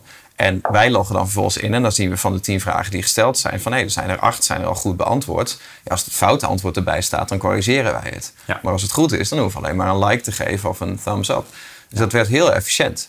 En dan, daarmee, daarmee verdween echt het merendeel van onze klantenservice. Ja. Alleen op een gegeven moment merk je aan Facebook van ja, het is maar een, een klein groepje in het geheel. Hè? Dus is- Facebook, is echt een ecosysteem van afleidingen. Hè? Wat rode bolletjes en, en dingen. En mensen zijn zo je groep in en uit. Ja, het heeft geen focus. Dan heb je geen En ook focus. niet op jouw product of jouw dienst. Nee, en, en je ziet alleen wat er nu speelt. Dus een nieuwe klant komt binnen en die ziet alleen het gesprek van nu. En als Ja. er dan toevallig een discussie gaande is, dan is dat de eerste indruk. En, en, als, en als er iets, iets leuks is, dan is dat de eerste indruk. En meestal als jij op je Facebook zit, dan ga je daar naartoe omdat je afgeleid wil worden. En dan zit je op zo'n timeline, maar het is over het algemeen is dat niet het meest leuke nieuws wat je leest. Hè? Facebook is niet echt een baken van positiviteit. Eigenlijk, enige momenten waarop ik inlog op Facebook is als ik mijn Facebook ads wil gaan managen. Ja. En de timeline en zo, daar ben ik eigenlijk gewoon echt niet meer mee bezig. Nee, dat is, en dat, dat, is, dat is echt een trend. En Ja. dat, dat zie je echt. Klaar mee eigenlijk, als ik heel eerlijk ben. Dat is Ja. gek hè, voor een social media trainer die zich ook nog verhuurt als social media trainer om te vertellen wat je met Facebook kan. Maar echt als privépersoon Facebook gebruiken, dat doe ik echt steeds minder of eigenlijk bijna niet meer zelfs. Nou ja, maar wat je, wat je ziet op social media, en misschien is dat heel beledigend om te zeggen hoor, maar ik, ik eh, las daar laatst een interessant artikel over, over het probleem van social media. Ze noemen dat het, het Dunning-Kruger effect. Dunning-Kruger? Het Dunning-Kruger effect. En het Dunning-Kruger effect laat zien dat je hebt, als je mensen in twee groepen zou verdelen, je hebt enerzijds competente mensen, maar die zijn dusdanig competent dat ze van zichzelf weten dat ze competent zijn. En ook waar ze niet competent zijn. En dan heb je de groep mensen die zijn niet competent. En die zijn dusdanig incompetent om van zichzelf te weten dat ze incompetent zijn. Dus die mensen zijn zich niet bewust van waar ze geen verstand van hebben of, of waar ze niet boven de materie staan. En daar werd gesteld in dat artikel van op social media zie je dat, dat zeg maar incompetente mensen lopen over van zelfvertrouwen en competente mensen zijn terughoudend. Dus jij ziet een nieuwsartikel van nu.nl of iets wat Rutte heeft gezegd. Nou, Ja. de wat slimmere mensen, de wat competentere mensen, die denken... Laat ik heb hier niet genoeg verstand van om hier inhoudelijk iets over te kunnen zeggen. Want ik kom maar gewoon even langs, dus ik zeg niks. En mensen die dat niet hebben, die denken... oh, ik vind hier iets van, dus dat ga ik daarbij zetten. Ja. En dat krijgt dan de overhand. En dat is, vaak is dat wat negatiever geladen. Ehm, omdat dat, dat negatieve, dat, he- dat is meer een oeremotie. Hè? Dat, daar zit onze binding en daar zit onze overlevingsangst. En dat zit minder bij het positieve. Ja. Of eh, onze overlevingsmechanismen. Ja, ik ben wat eh, de incompetente berichten betreft ook heel blij dat de hele zwarte pieten discussie weer op weg is naar Spanje, hoop ik. Dat we die fase weer even voorbij zijn. Maar als je inderdaad een gemiddelde pagina op nu.nl, je leest bij Nu Jij wat er onder een artikel verschijnt. Ja, Ja, dan word je over het algemeen eh word je niet vrolijk van. vooral droevig. Nee, want een zwarte pieten discussie, on- ongeacht met welke kant jij het Nee, eens nee, bent. laten we nou niet over de zwarte... Nee, maar kijk, afgezien van, van de discussie zelf, of je het nou mee eens bent of niet, je kan daar een inhoudelijke discussie over voeren. Ja, maar maar, als je op Facebook gaat eh, lezen, Facebook. dat is Nee. niet inhoudelijk. Nee, dus jij mijt dat en dat Ja. doen heel veel mensen. En op het moment dat jij je community op Facebook hebt, dan gaan mensen dus vanuit die emotie gaan ze naar jouw Facebookgroep. En mensen nemen dat soort emotie vaak mee. Hè? Dus, Ja. dus wij merkten vaak dat het, dat het vaak een beetje mopperig werd of een beetje zeurderig of, of laag in de energie. En toen hebben we gezegd van we sluiten die Facebookgroep en we starten eigenlijk een Facebookgroep op onze eigen domeinnaam. Ja. Dus bouwen onze eigen Facebook. Dat is toen Huddle geworden. Eh, en daar hadden we dat probleem niet. Hè. Dus we hadden heel veel overzicht en heel veel positiviteit. En we hadden ook veel meer controle. Hè. Dus wij konden tegen mensen zeggen van nou, als je nou een like krijgt of je plaatst een bericht of je geeft een goed antwoord. Hè, want mensen kunnen dan kiezen wat Ja, ja. het beste antwoord is. Dan krijg je daar verschillende hoeveelheden punten voor. Ja. Eh, en dan ontstaat een soort van spelelement. Ja, een stukje gamification. Dus we kunnen dat helemaal controleren op die manier. Maar was, is het niet heel lastig om mensen te overtuigen, en dat bedoel ik niet zozeer de makers van een huddle, maar met name de doelgroep, om op weer een platform een account aan te maken, weer een profielfoto te uploaden, weer een profiel te voltooien Ja. en daar dan ook vervolgens eens een keer regelmatig op in te loggen om te participeren in de gesprekken die daar gaande zijn? Ja, ja dat, als je het zo stelt, dan lijkt dat een hele grote opgave. Alleen het is over het algemeen houden mensen van, van het specifieke. Dat is een boek van, eh, van Seth Godin. Eh, dat heet eh, We Are All Weird. Dus we zijn allemaal gekkies. Ja. En hij stelt ook, hij zegt in de evolutie van marketing zie je dat massamarketing een hele tijd goed heeft gewerkt. En dat het nu begint te falen. Ja. Dus hij stelt ook letterlijk dat hij zegt een platform als Facebook, dat groeit als een sneeuwbal, exponentieel. En net op het moment dat je denkt dat het alleen nog maar kan groeien, dan knalt het uit elkaar in miljoenen kleine sneeuwballetjes. Want dan is de verzadiging is te groot. Dus Facebook is dan alles van iedereen. Maar wat mensen willen is niet alles aan iedereen. Mensen willen alleen die paar gekkies Ja. die net zo gek zijn als zij. Hè? Dus als jij een ondernemer bent, dan ben je een beetje een gekkie in de ogen van niet-ondernemers. Dat je allemaal Ja. hele rare dingen doet. Zeker. Als jij eh, bergen gaat beklimmen, dan ben je een beetje een gekkie. gekkie. Ja, Ja. maar andere mensen die bergen beklimmen, die vinden jou geen gekkie. Die snappen volledig wat, jij, wat jij doet.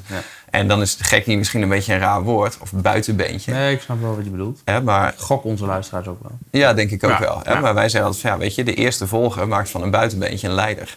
Dus op het moment dat eh, Wim Hof in zijn eentje in zijn korte broek de Kilimanjaro opliep, dan was het, was het een buitenbeentje, een gekkie. Ja, dacht ik ook. Wat een mafkees. Ja, maar toen een week later ging er een groep Nederlanders met hem mee. En toen was hij ineens een leider. Ja. En toen had hij volgers. Prachtig filmpje dat ook. Ken je ongetwijfeld. Van die man die op zo'n helling bij een of ander festival ook helemaal in zijn eentje tussen de mensen uit zijn plaat gaat met dansen. Ja. En dan komt er eerst één kerel naast en die eigenlijk denkt, wat een gekkie. Ja. Ik ga met hem meedansen, kijk mij eens leuk doen. En terwijl hij erbij staat, denkt de andere vriend, oh die hebben lol met elkaar lachen. Hé, daar ga ik ook bij het hele festival meedoen. En uiteindelijk staat daar gewoon een veld vol mensen Ja. keihard uit hun dak te gaan. Super tof. Ja, nou, dat, ik denk dat dat filmpje, die ga ik meteen even opschrijven voor mijn eigen trainingen. Die ken ik inderdaad. Maar dat laat, dat laat eigenlijk de social learning theory zien. Hè? Dat als je mensen een 100% vrije keuze geeft wat ze mogen doen, over het algemeen kiezen we dan datgene wat iemand anders ook al aan het doen is. Ja. Want dat is veiligheid. En mensen zijn groepsdieren. Zelfs als we denken op een hele makkelijke vraag van dit is 100% het goede antwoord.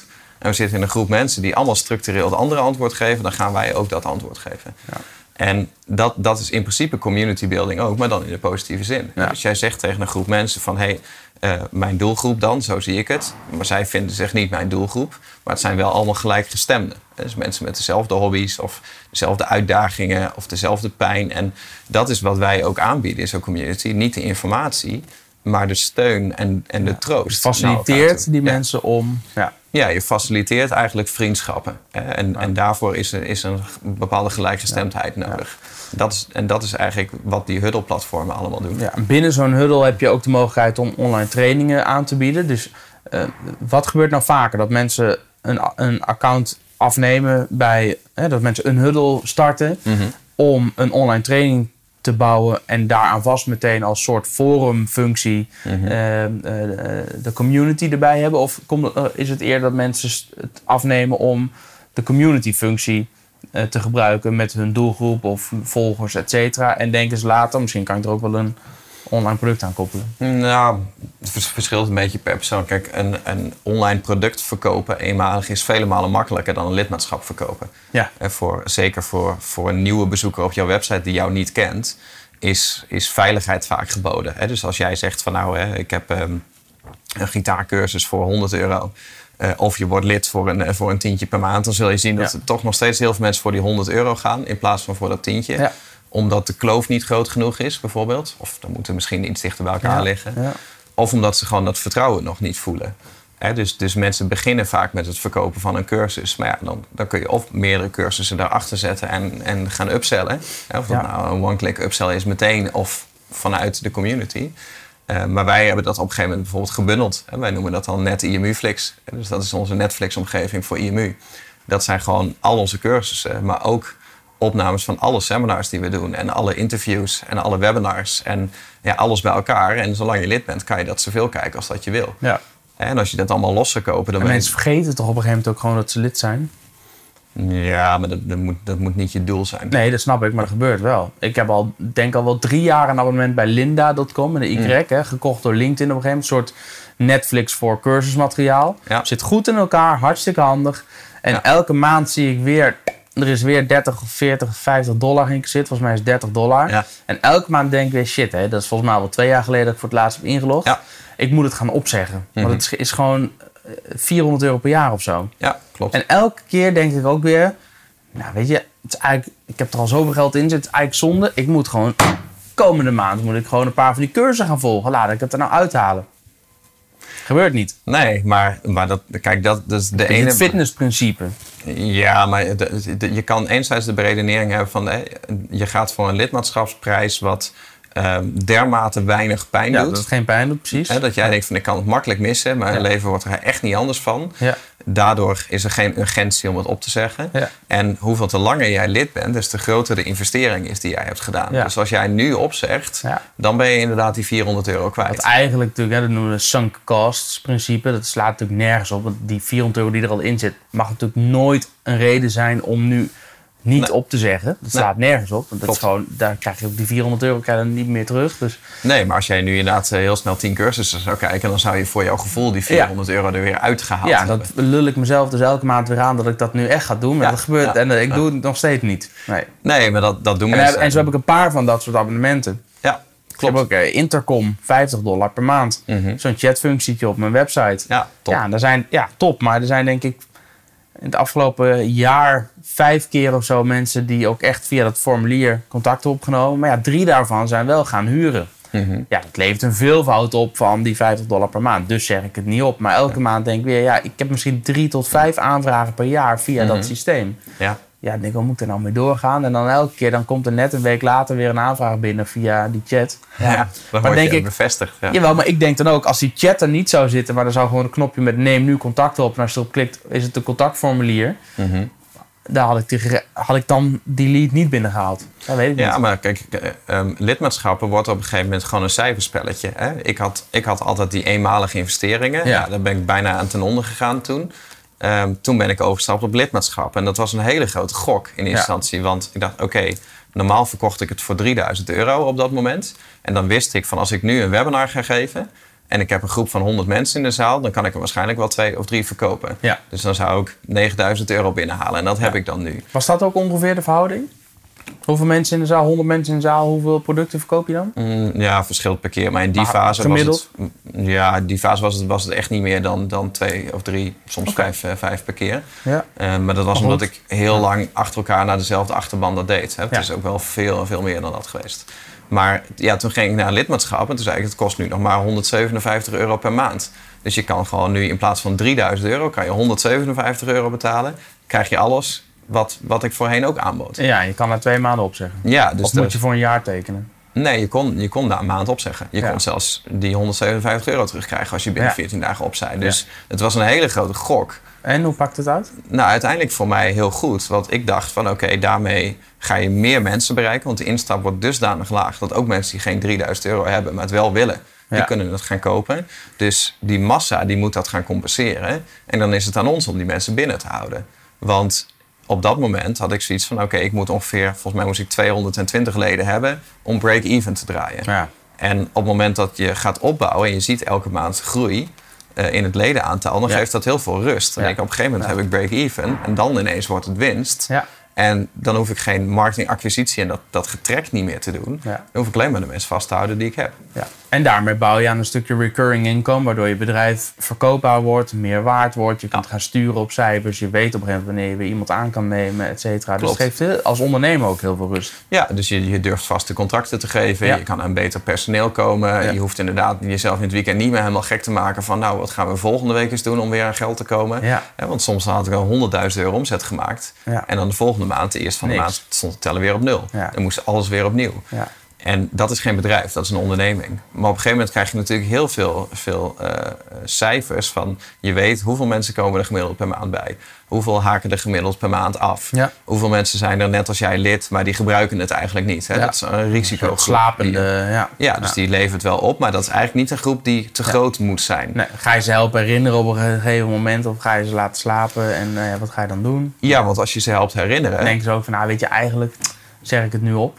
Ja, maar stel dat je iemand kan helpen herinneren. ehm, daarmee kan je ook juist zo'n goede vibe geven. Dat Ja. iemand ambassadeur wordt van je bedrijf. En, en ik denk dat het je doel moet zijn dat je zoveel mogelijk actieve leden Ja, hebt. betrokken leden. Die ook jouw merk promoten. Omdat ze zich verbonden voelen met je bedrijf.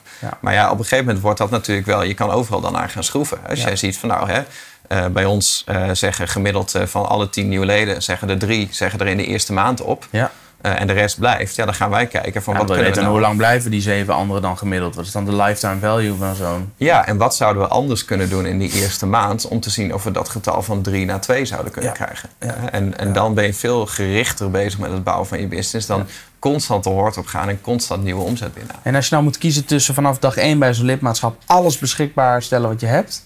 Of vanaf dag 1 gaan druppelen met content of met lessen. Hè, dus elke keer eh, één maand na lidmaatschap dan krijg je weer wat extra stukjes erbij. En twee maanden na lidmaatschap weer een paar stukjes. Of gewoon Ja. zeggen in één keer alles. Wat heeft dan, heb je daar ervaring mee? Wat is de, wat is de beste methode?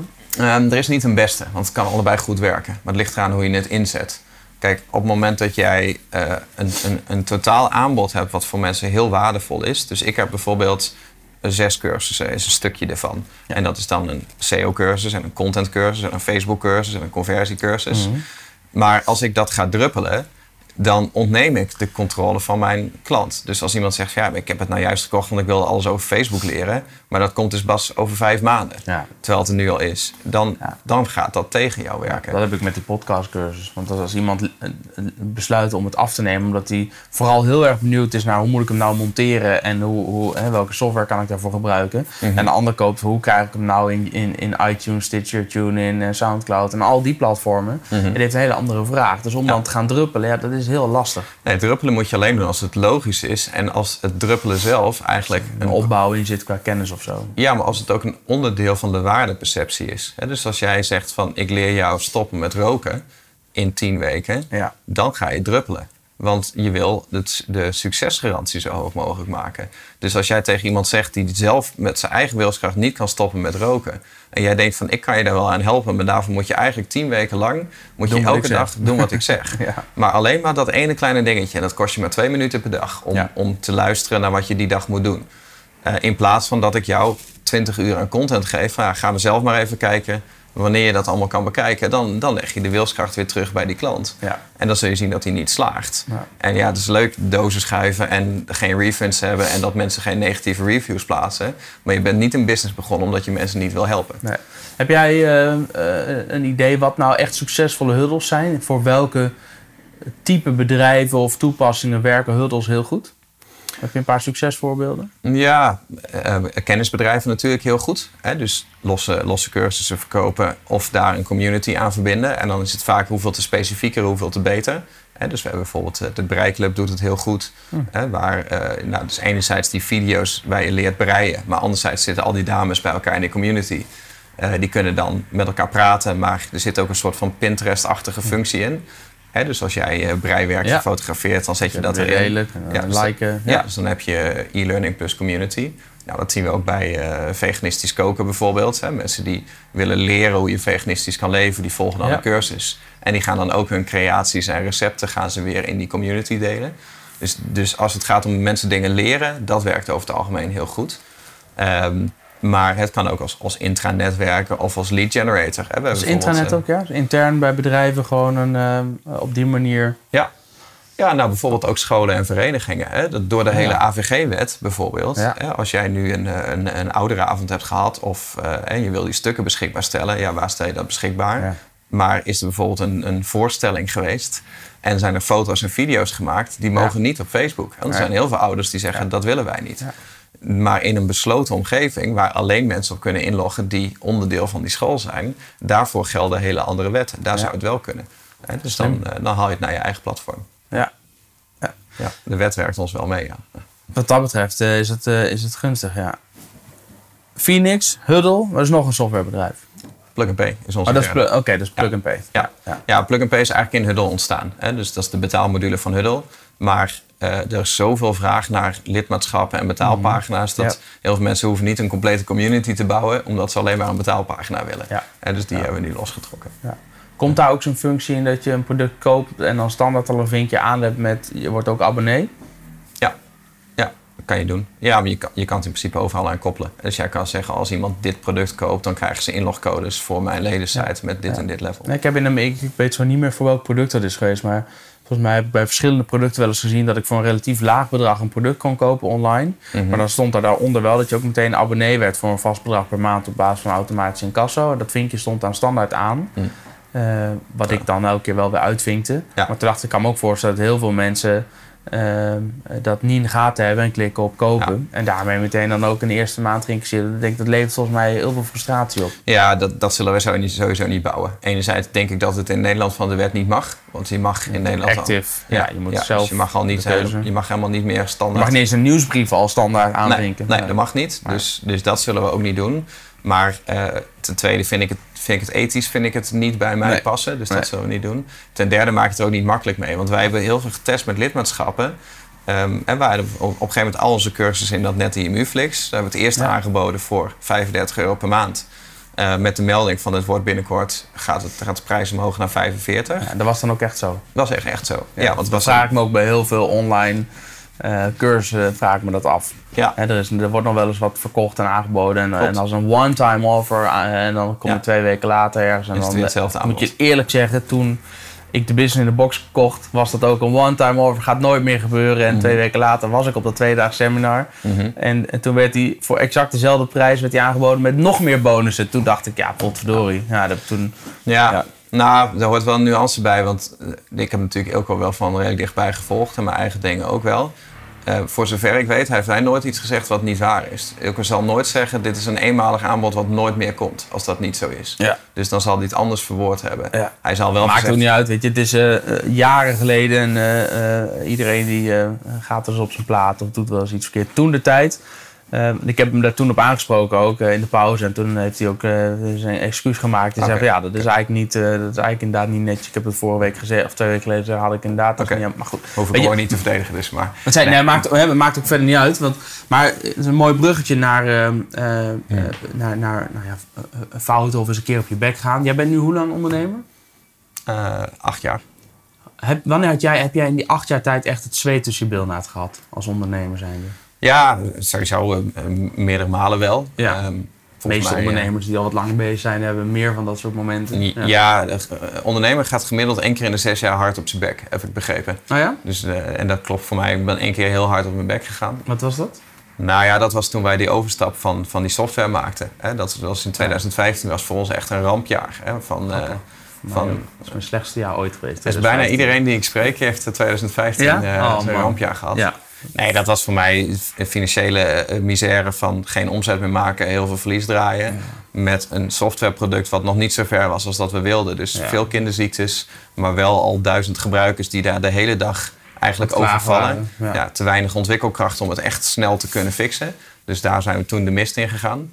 Ehm, en eh, ja, daar ben ik uiteindelijk tegen een burn-out aangelopen. En, en dan wordt het nog wel wat lastiger om je Zeker. business te sturen. Ja. Wat heb je ervan geleerd? 2015? Nou ja, uiteindelijk is 2015 denk ik mijn beste jaar ooit.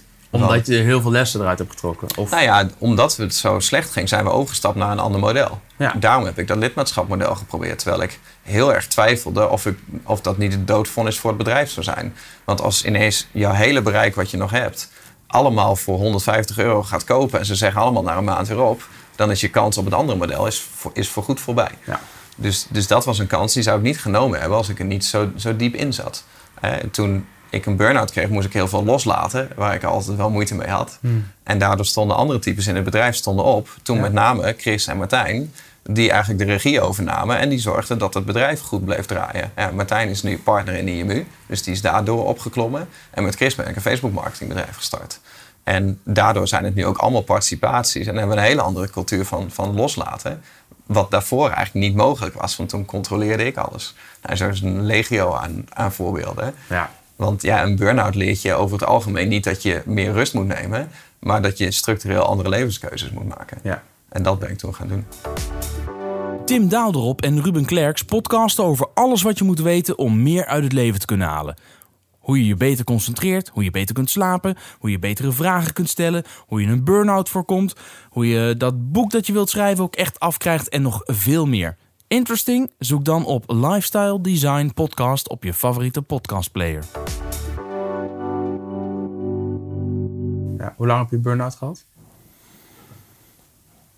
Ja, is lastig, Lastig om daar een begin en een einde aan te koppelen. Vaak Ja. begint het al eerder dan wanneer je echt de hamer krijgt. Nee, ik denk dat ik een maand of twee, drie gewoon echt, echt niet heb kunnen functioneren. Maar nog, dat ook nog wel weer enigszins heb kunnen verhullen. Dus was nog wel aan het werk. En volgens mij ben ik een heel jaar bezig geweest met, met Ja. herstel. Dus gewoon met personal trainer. Al met al anderhalf jaar zo'n beetje bij. eh, Ja, maar ook dan, zelfs als je me nu zou vragen, is het weg? Nee, dat is nog steeds niet weg. We zijn inmiddels eh, drie jaar verder. Ja, gaat nooit, ik heb nooit meerdere weg. mensen horen zeggen dat wordt nooit meer helemaal de oude. Nee. nee. Toevallig heb ik een, volgens mij is het podcast nummer 107 van de Jelly Driver podcast. Heb ik Fiona Giesius geïnterviewd over, eh, over burn-out. Zij heeft ook een burn-out Mhm. gehad. Zij heeft er drie jaar in gezeten ongeveer. En zij zegt dat ook. Je wordt nooit meer helemaal de oude. Nee. Maar eh, zij zegt ook, die burn-out is uiteindelijk... want ik vroeg haar, ben je nu een beter persoon dan voor je burn-out voor je gevoel? Mhm. En, en, en, en, en daar zei ze dan wel, gaf ze dan wel weer ja op als Ja. antwoord. Nou, omdat het, kijk, een burn-out is natuurlijk niet het, het gevolg van eh, te veel uren gewerkt hebben. Een burn-out is het gevolg van dat je eh, langere tijd eh, elke dag meer energie verbruikt hebt dan dat je hebt, aanvult. hebt, Ja. hebt aangevuld Ja. of dat je hebt gekregen. En dat in combinatie met het feit dat je langere tijd niet het idee had dat je een keuzemogelijkheid had om het aan Ja. te passen. Ja. Wat ik toen had, van ik had jarenlang 100 uur per week gewerkt, geen enkel probleem. Maar op een gegeven moment merkte ik ja, ik vind het niet meer leuk, want alles wat ik doe werkt niet. Er wordt geen omzet gemaakt. Ik zie alleen maar rode cijfers. Ik zie mijn, mijn complete buffer zie ik als sneeuw voor de zon verdwijnen. Want er moet, elke maand moet er geld bij. Ik weet ook niet of het goed komt. Dus er komt geen energie uit. Maar ik kan hier niet mee stoppen. Ja. Want ik heb duizend klanten die hebben een website bij mij. Als ik ermee stop, zijn zij hun website kwijt. Dus Ja, dat kan niet. kan niet. Nee. En al zou ik dat doen, dan zou in ieder geval een vervolgcarrière zou verleden Niet, tijd. niet bij diezelfde doelgroep en hun netwerk. Nee, dat kan, dat kan niet. En op een gegeven moment denk ik van, ik heb een spaarsaldo. Ja. En ik kan daar elke maand een stuk van naar dat bedrijf pompen. En als het goed komt, dan gaat het misschien uiteindelijk wel weer terug. Ja. Maar als het klapt, dan ben ik niet alleen het bedrijf kwijt, maar ook mijn spaargeld. Ja. Dus daar merkte ik van, oké, dan is het niet zozeer de trots dat je dat geld ooit hebt verdiend. Maar met name de angst om het kwijt te raken is wat overheerst. Sowieso is die angst altijd groter. Hè? Dat heeft meer input op de mens dan de mogelijkheid om iets nieuws te verkrijgen. Dus dat, Klopt, dat- maar- dat- ja. Maar dat is ook het verschil tussen... eh, Enerzijds dacht ik van, oké, dus ik ben rijk geworden, want ik heb miljoenen verdiend. Maar ik ben nog steeds niet financieel vrij. Ja. En er is een heel groot verschil tussen rijk worden en financieel vrij zijn. zijn. Ja. Want ja, als jij mij nu vraagt van ja, ik geef je nu een paar miljoen. Of ik geef jou nu de garantie dat je de rest van je leven elke maand minstens 1 euro meer te besteden hebt dan dat je die maand wilde uitgeven. Ja. Waar kies jij dan voor? Ja, dus het laatste dat- maar. Ja, en, en dat is wat ik toen merkte van oké, dus die burn-out die is gekomen door structureel verkeerde levenskeuzes. Dus een verkeerd verdienmodel, eh, een onderneming in plaats van een bedrijf eh, niet, niet kunnen loslaten. Heel, heel, heel veel input vasthouden. Slecht voor je, voor je lichaamzorg, hè? Voor, je, voor je voedingszorg, slecht voor je slaapzorg, een heleboel dingen. Ja. En die ga je dan allemaal structureel veranderen. En nu merk ik, ja, ik heb nog steeds dezelfde trainer als, als waar ik toen mee ben begonnen. En ik denk ook niet dat ik, dat ik zonder hem zou kunnen. Want Wie is dat? Om hem even de credits te geven. eh, Michael Henskens is dat. En eh, ik, ik train dan een paar keer per week eh, met, met hem. En ik merk ook gewoon van ja, als ik mezelf een beetje over mijn toeren heb gejaagd, als ik me weer te druk heb gemaakt, hij is er altijd heel alert op. En dat kan ook wel soms een beetje eh, corrigerend zijn. Zegt hij, ja, ik ga je niet meer bij elkaar rapen als je weer in een burn-out komt. Denk ik, oh, rustig. Eh, of dat, dan ben ik een halter aan het stoten. En op een gegeven moment dan bijvoorbeeld is het zwaar. En dan word ik ineens emotioneel. Dan denk ik, ja, wat is dat nou? Ik moet niet, nog niet meer een traan in mijn ogen een halter omhoog Ja. hoeven te duwen. En dat is het moment dat je merkt van, oké, hier zit het randje. Dus Ja. nu moet je stoppen. Ja. En Wat is nou belangrijker? Dat ding uitstoten of gewoon luisteren naar je lijf en even aan de kant? Ja, en, en voor die halte maakt het niet zoveel uit, maar het zegt iets over de rest van de week. En had ik die halte niet gestoten, dan had ik niet geweten dat ik zo erg alweer op, op het Ja. randje zat. Ja. Dus, dus er zijn zoveel natuurlijke alarmbellen ontstaan van, oh, dit is, dit is de gevarenzone, dus nu moet ik terug naar de basis. En voorheen had ik dat, die herkenning niet. Dus dan ging ik elke dag gewoon ver in het rood. Wat zijn verder dingen in je levensstijl die je hebt aangepast sinds die burn-out? Ehm, Nou, trainen dus veel. Eh, voeding ook wel. Dat ben ik toen ook heel structureel gaan aanpakken. m, Ook via die trainer. Hè. Dus eh, bijvoorbeeld zo'n eh, voedselintolerantietest gedaan. En dus dan doe je een bloedtest en dan krijg je Mag je ineens niks meer eten? Nou, in mijn geval niet. Want het, het laat zien welke voeding jij eigenlijk minder goed tegen kan. Kijk, dan is het niet een allergie, maar een intolerantie. En bij mij kwam daaruit van ja, ik kan beter alleen maar vlees, vis, groente en fruit eten. En verder niks. Want al die andere dingen kan ik niet goed tegen. Dus ik kan prima bijvoorbeeld zuivel eten. Dan krijg ik geen alle- allergische reactie. En dus dan zou ik denken van, nou, ik heb- ben niet eh zuivelintolerant of zo, of lactose-intolerant. Maar mijn lichaam moet blijkbaar dusdanig veel extra moeite doen om dat af te breken, dat dat heel veel energie kost. En dat bij mij bijvoorbeeld met brood eten ook zo. Kan prima eten, vind ik super lekker. Maar dat gaat wel op de rest van mijn dag slaan. Wat eet je dan nu, s ochtends? Eh, ja, vaak vlees. Dus bijvoorbeeld een kipfiletje. Of, eh, S of ochtends? een, eh, ja, dus eh, s ochtends lekker kipfiletje te bakken. Of een, Oh, ja? eh, of een burgertje. Zeker als ik, als ik zwaar train, dan, dan wil ik wel een flinke eiwitbron hebben s ochtends. Ja. Of, bijvoorbeeld een, eh, of bijvoorbeeld een shake. Ja. Ja, en, en door dat te weten van jezelf waar je wel en niet tegen kan, ga je natuurlijk ook heel anders leven. Ja. Als ik zo om me heen kijk, gelukkig zat whisky niet in dat lijstje. Tenminste, of je neemt, denk nou ja, dan maar geen zuivel, maar nog wel whisky. Ik Ja. zie ook een, eh volgens mij een fles wijn staan.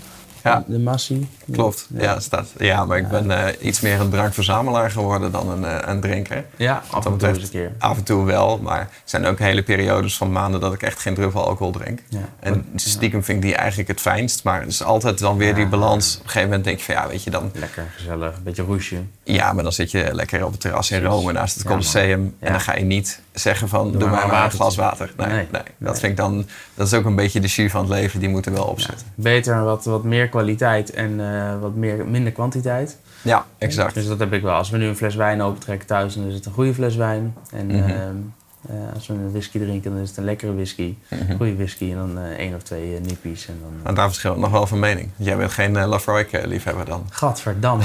Nee, dat drink jij, hè? Ja, dat drink ik, Nee, ja. dat vind ik echt eh, alsof ik een eh, asbak leeglik. Ja. Ja, Nee, ja, nee, dat zou ik misschien eh, als ruitwisselvloeistof een keer gebruiken. Maar eh, niet om van te genieten. Zo blijkt maar weer mijn goede smaak. Ja, ja, precies. Nou ja, nee, ieder zijn ding. Nee hoor, dan kun je, maar jij bent meer van de, van de rokerige... eh, Ja, nou, eh, Lafroik vind ik gewoon een hele bijzondere. Dat was altijd mijn favoriet geweest. Maar ik had laatst een, Ja. een, een Glen Dronach. En, ken eh, en die was super, super zacht. En dat vond ik, vond ik ook gewoon eh, fantastisch. ja. Ik kan alle kanten op. Ja. ja, ik vind het mag best wel wat rokerig zijn. Het hangt ook vanaf wanneer je het drinkt, wat je daarvoor hebt gehad, wat je er eventueel nog bij, eh, bij op je, op je Mhm. tafel hebt liggen. Maar goed, we dwalen af. Ja. Ook een mooi onderwerp. Er zou ook, eh, ik weet eigenlijk niet, of er, is er een whisky podcast? Weet Zou, niet? zou Geen idee. moeten zijn eigenlijk. Gewoon een paar gasten die gewoon whisky proeven. Ja, nou ja, Ja. Het, is een gou- het is een gouden businessmodel. Ja, leuk. Dat, Ja. eh, en dan een huddle ja. erbij waarbij mensen kunnen... Nou een ja, abonnementsmodel waarbij ze elke maand een fles krijgen. En dan kunnen ze in de huddle daarover sparren, zoiets. Nou ja, Gary Vaynerchuk is natuurlijk Zo. het voorbeeld hè, van zijn wijnbusiness. Die Ja. echt naar 50 miljoen heeft getrokken met Bizar, zijn eh, live-uitzendingen. Ja. Ja, echt bizar. Waarbij hij ook eh, eh, on, eh, hoe zeg je dat? Ongegeneerd vertelde wat hij van een wijn vond. Hij spuugde dingen uit over de tafel heen. Ja. Gadverdamme, dit Ja. is net modder en dingen die hij heel lekker vond. Die vlogen de winkel uit. Ja. Terwijl zijn moeder in eerste instantie zei... kom nou achter die computer weg en ga gewoon in ons slijterijtje meehelpen... Om het magazijn op orde te krijgen. Heb jij dat wel eens gehad? Dat jouw omgeving zei... kom nou eens achter die computer. Wat de fuck ben je nou aan het doen? Eh, Dit gaat nooit lukken. Dit wordt niks.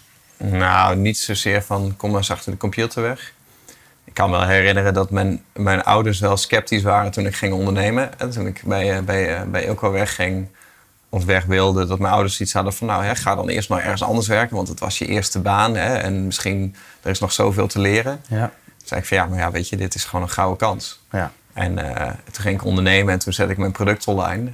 En toen deed ik een hele grote productlancering. En we hadden natuurlijk een behoorlijk bereik. Dus in die eerste week boekte ik toen 65.500 euro omzet. En dan ging ik natuurlijk heel trots naar mijn ouders, die ook mijn boekhouders waren. Van Ja. kijk, hè, het bedrijf is vorige week begonnen. We zitten nu al op meer dan een jaar ja. salaris. Wat verdienen jullie ook alweer per Ja, jaar? ja, precies. Ja. En eh, ik weet nog dat mijn ouders toen zeiden van... Oh, dat is mooi, dan heb je even een buffer.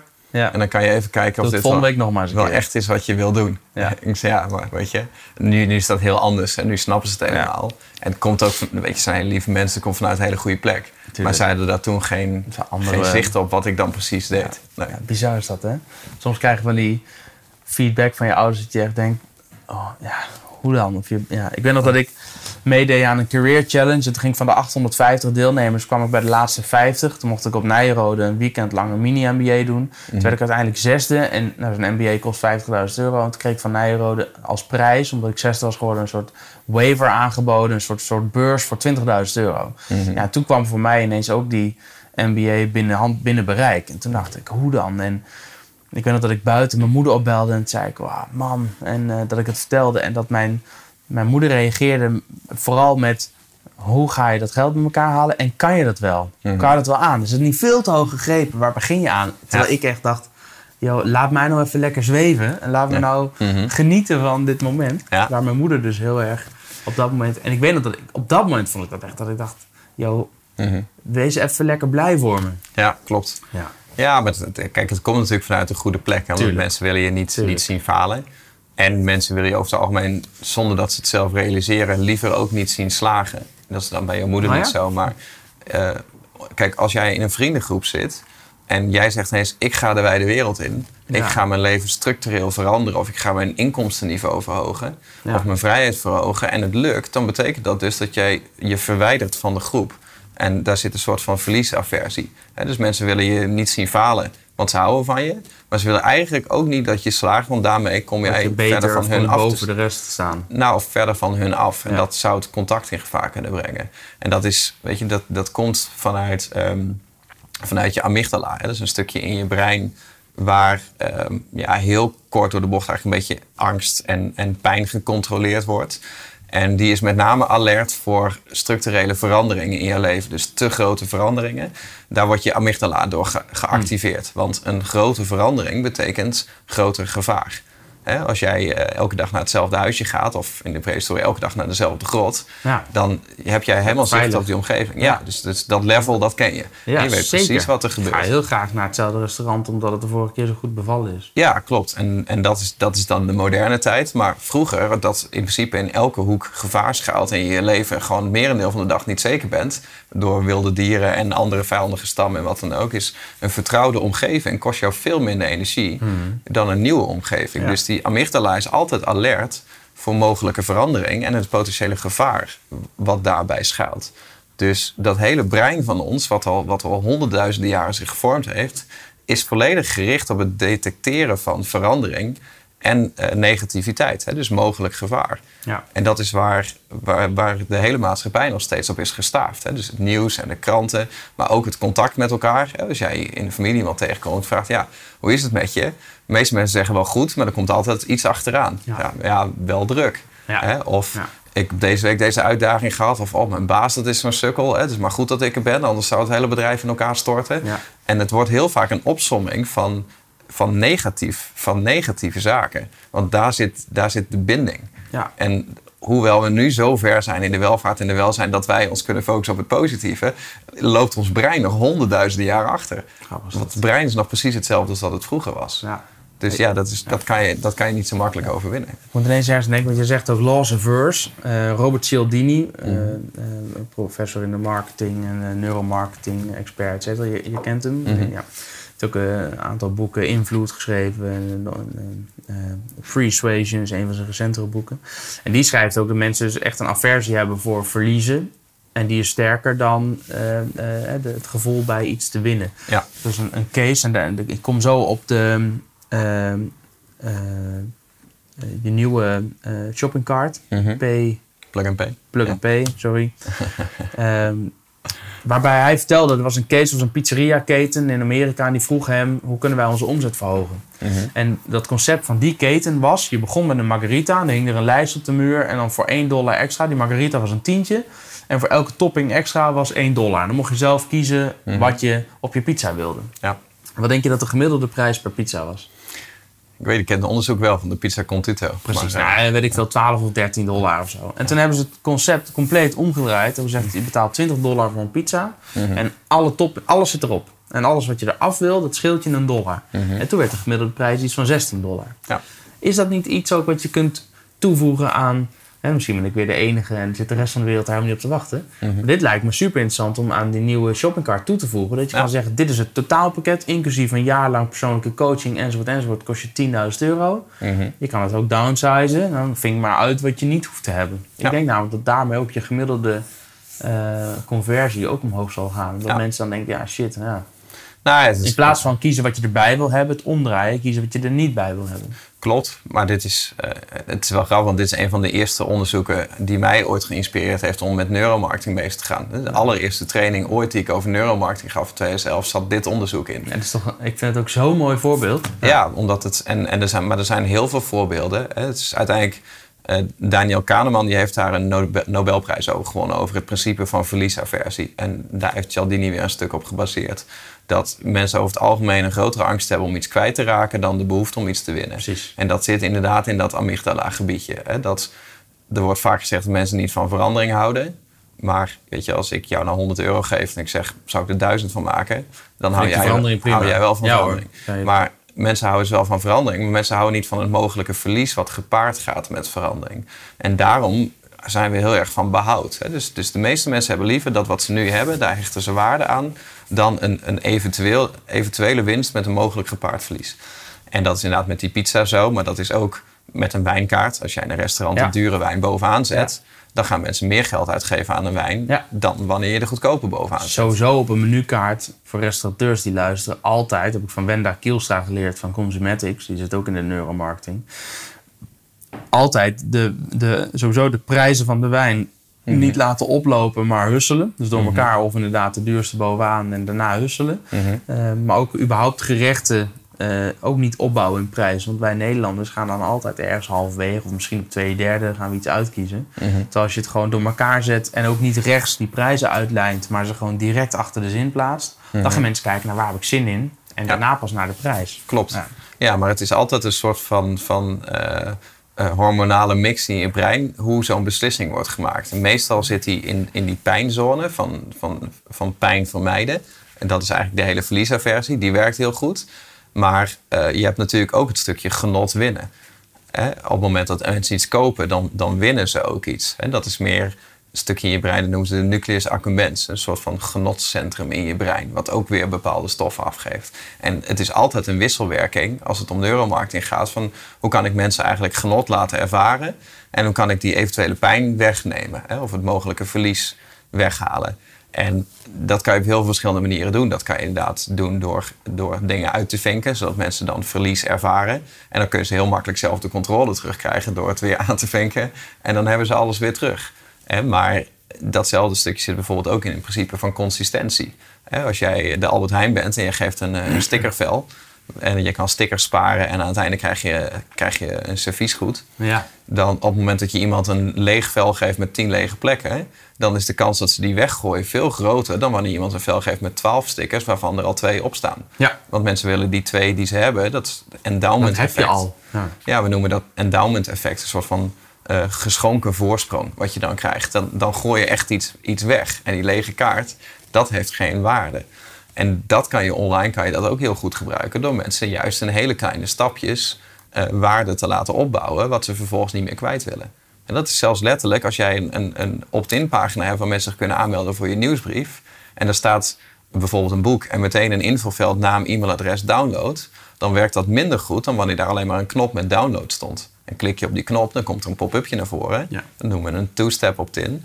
Eh, waar je dan alsnog je gegevens kan invullen. Want jij maakt een micro-commitment door op download te klikken. Ja. Waardoor de stap om je gegevens in te vullen ineens veel laagdrempeliger is geworden. En dan gaat de conversie omhoog. Net als dat bij het afrekenen, als mensen toch al besluiten om iets te kopen, dan nog even iets erbij kopen. Die stap is veel kleiner, omdat ze toch al iets kopen, dan wanneer je het ze echt apart nog een keer zou aanbieden. Ja, dus dat is waarom we in Plug and Pay dus eigenlijk testen tussen meteen iets toevoegen of nabetaling. Als zeg maar dat bedrag is al uit je systeem en je bent al in de buying mood, je bent dat al kwijt. En dan zeg je van hé, hey, jij hebt net 70 euro uitgegeven. Ja. Wil je nu nog een keer maar 30 euro uitgeven? Ja, nou ja, of kan er ook nog wel bij. ja, je hebt, net, eh, je hebt net voor 100 euro aan superfoods gekocht. Ja. wil je nu, hè, dat is eigenlijk een beetje ook het principe van, eh, van eh, de, de visitekaartjes, Vistaprint. Ja. Je hebt net voor Zo. eh, duizend visitekaartjes besteld, of 500 voor zoveel geld. Wil je nu voor een tientje je hele order verdubbelen? Ja. En dan denk je van ja, maar ik heb die waarde.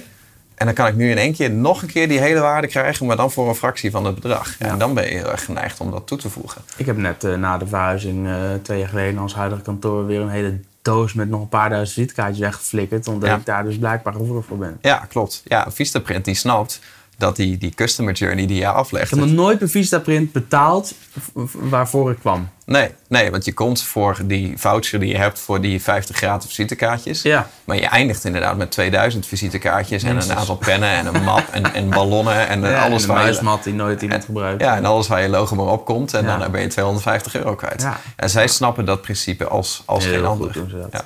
Ja. Ja. Net als de airlines. Ja. Tony, ik vond het echt een, eh, een, een, een leuk gesprek. Ik hoop onze Mooi. luisteraars ook. Ehm, eh, je hebt een paar boeken genoemd. Ik zie daar een whisky-bijbel, een barbecue-bijbel, Mhm. et cetera. Maar wat is nou een boek waar je echt inspiratie uit hebt gehaald? Of meerdere boeken? Wat zijn aanraders? Ja, de barbecue bijbel nog niet.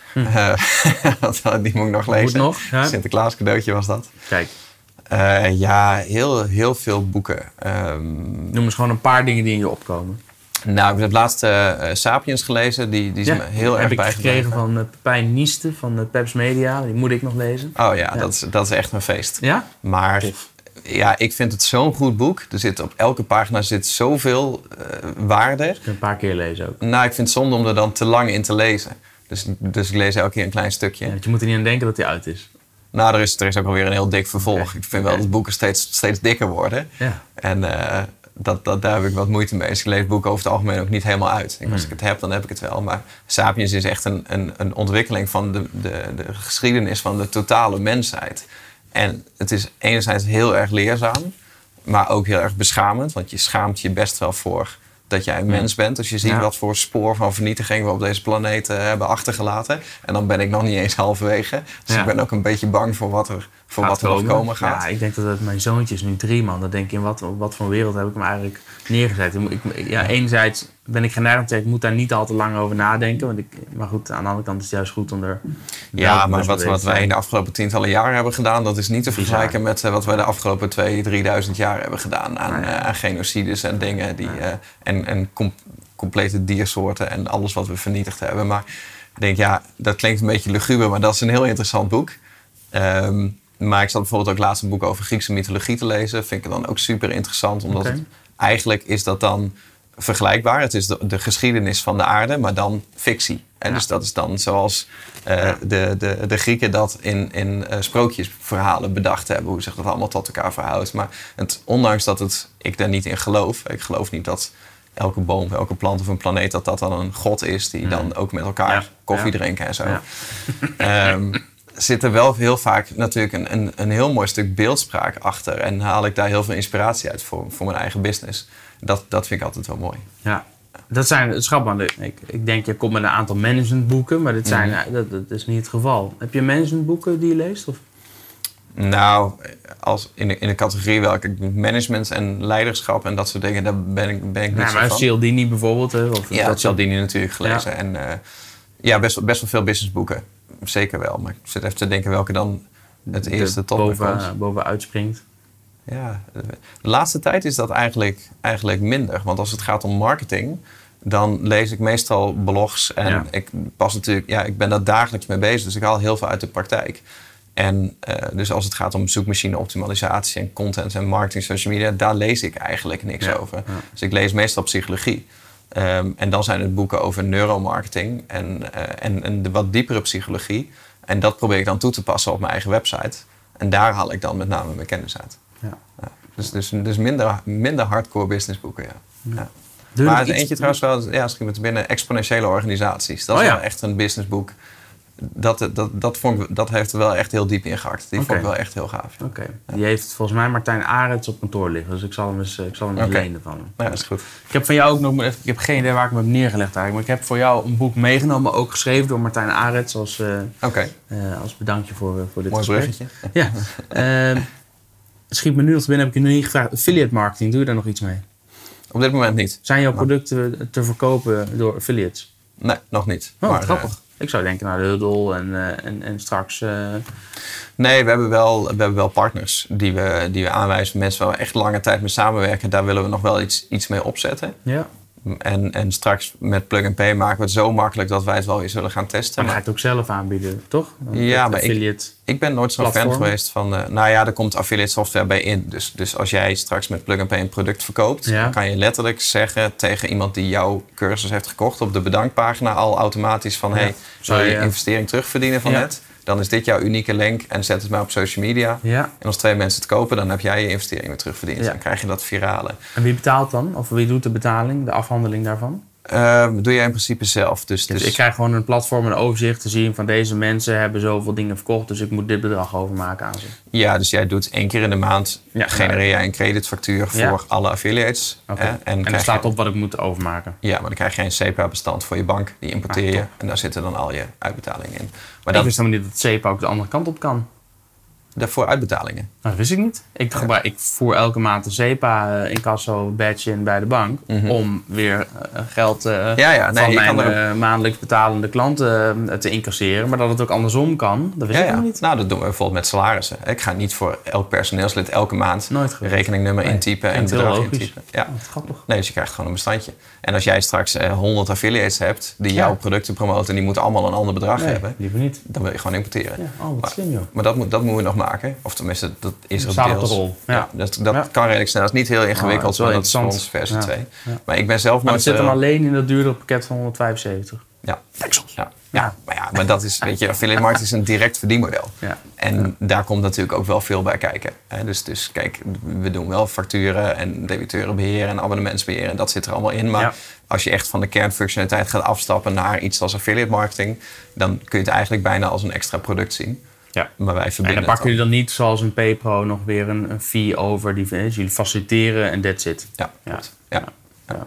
Ja. Dat, dat is voor ons is dat ook, ook cleaner. Ja. Maar om je vraag te beantwoorden voor affiliate marketing zelf. Kijk, ik ben nooit zo'n fan geweest van affiliates die mij promoten. Tenzij het echt hele grote serieuze spelers zijn die, ook persoonlijk bekend ken. zijn, ja, precies, met je Ja, product en want- met de persoon. Want er zijn zoveel van die internetmarketing gastjes. Ja. En die denken dan, hè, dan ga ik Tony zijn cursus promoten, want dan krijg ik geld. Ja, En dan gaan ze er dingen over zeggen die ik niet wil. Of dan gaan ze weer artikelen schrijven. Bijvoorbeeld, hè, dat, een tijdje geleden heeft iemand een artikel geschreven met als titel Tony Loorbach oplichter, vraagteken. oh ja. En dan ging hij dan in zijn artikel schrijven dat, Dat ik dat, niet zo niet, was. dat dat niet zo was. Ja. Maar dan hoopte hij dat als mensen op mijn naam googelen, dat ze dan zijn artikel zouden zien. Dat ze denken, oeh, oplichter, Ja, dan moet ik even Even aanklikken. lezen, Ja, ja, en dan lezen 30 ze dat. dagen en dan misschien toch kopen. Ja, en dan denk je van, oh, het valt eigenlijk wel mee. En dan Ja. klikken ze op een linkje en dan krijgt hij dat. En, dus dan, Ja. en dat zijn heel veel van dat soort affiliate marketing praktijken. Sorry Ja. dat ik het zeg, maar Nee, ik vind nee, ik de affiliate marketing wereld Helemaal is niet mijn wereld. Nee, helemaal eens. Ik heb inderdaad ik heb een document online staan waarbij ik gewoon alle eh, online marketing tools en stukjes software die ik zelf gebruik op een rijtje zet. En Mhm. bij een aantal daarvan zit er een affiliate linkje achter. Daar heb ik er A meteen boven staan. Let op, sommige zijn affiliate linkjes. Ja. Maar ook, daar leg ik ook uit dat ik alleen maar eh, eh, producten überhaupt in dat document heb staan. eh, Mhm. of nou affiliate is of niet. Waar ik achter sta die ik zelf gebruik. Ja. Die ik dus ook echt aanbeveel. Ja. Ehm, en ik heb ehm, een aantal blogposts bijvoorbeeld over apparatuur, waarin ik uitleg welke apparatuur ik gebruik. Mhm. Ehm, nou, die apparatuur gebruik ik ook, daar sta ik achter. En als je daar dan op klikt, dan ga je naar Bakshop en dan kun je daar, Ja. eh, dan krijg ik een kleine kickback. Dat is ook, Ja, daar wil ik niet al te maar- veel bij voorstellen, daar word ik niet rijk van. Maar dat is, nou ja, Nee, maar dat is, een dat kleine is moeite. kijk, jij hebt al een business. Ja. En de mensen die jij bereikt en waar jij een, een klik mee hebt, dus die vertrouwen hebben in jou, Ja. daarvan is het logisch dat jij die mensen met jouw affiliate link doorverwijst. Ja.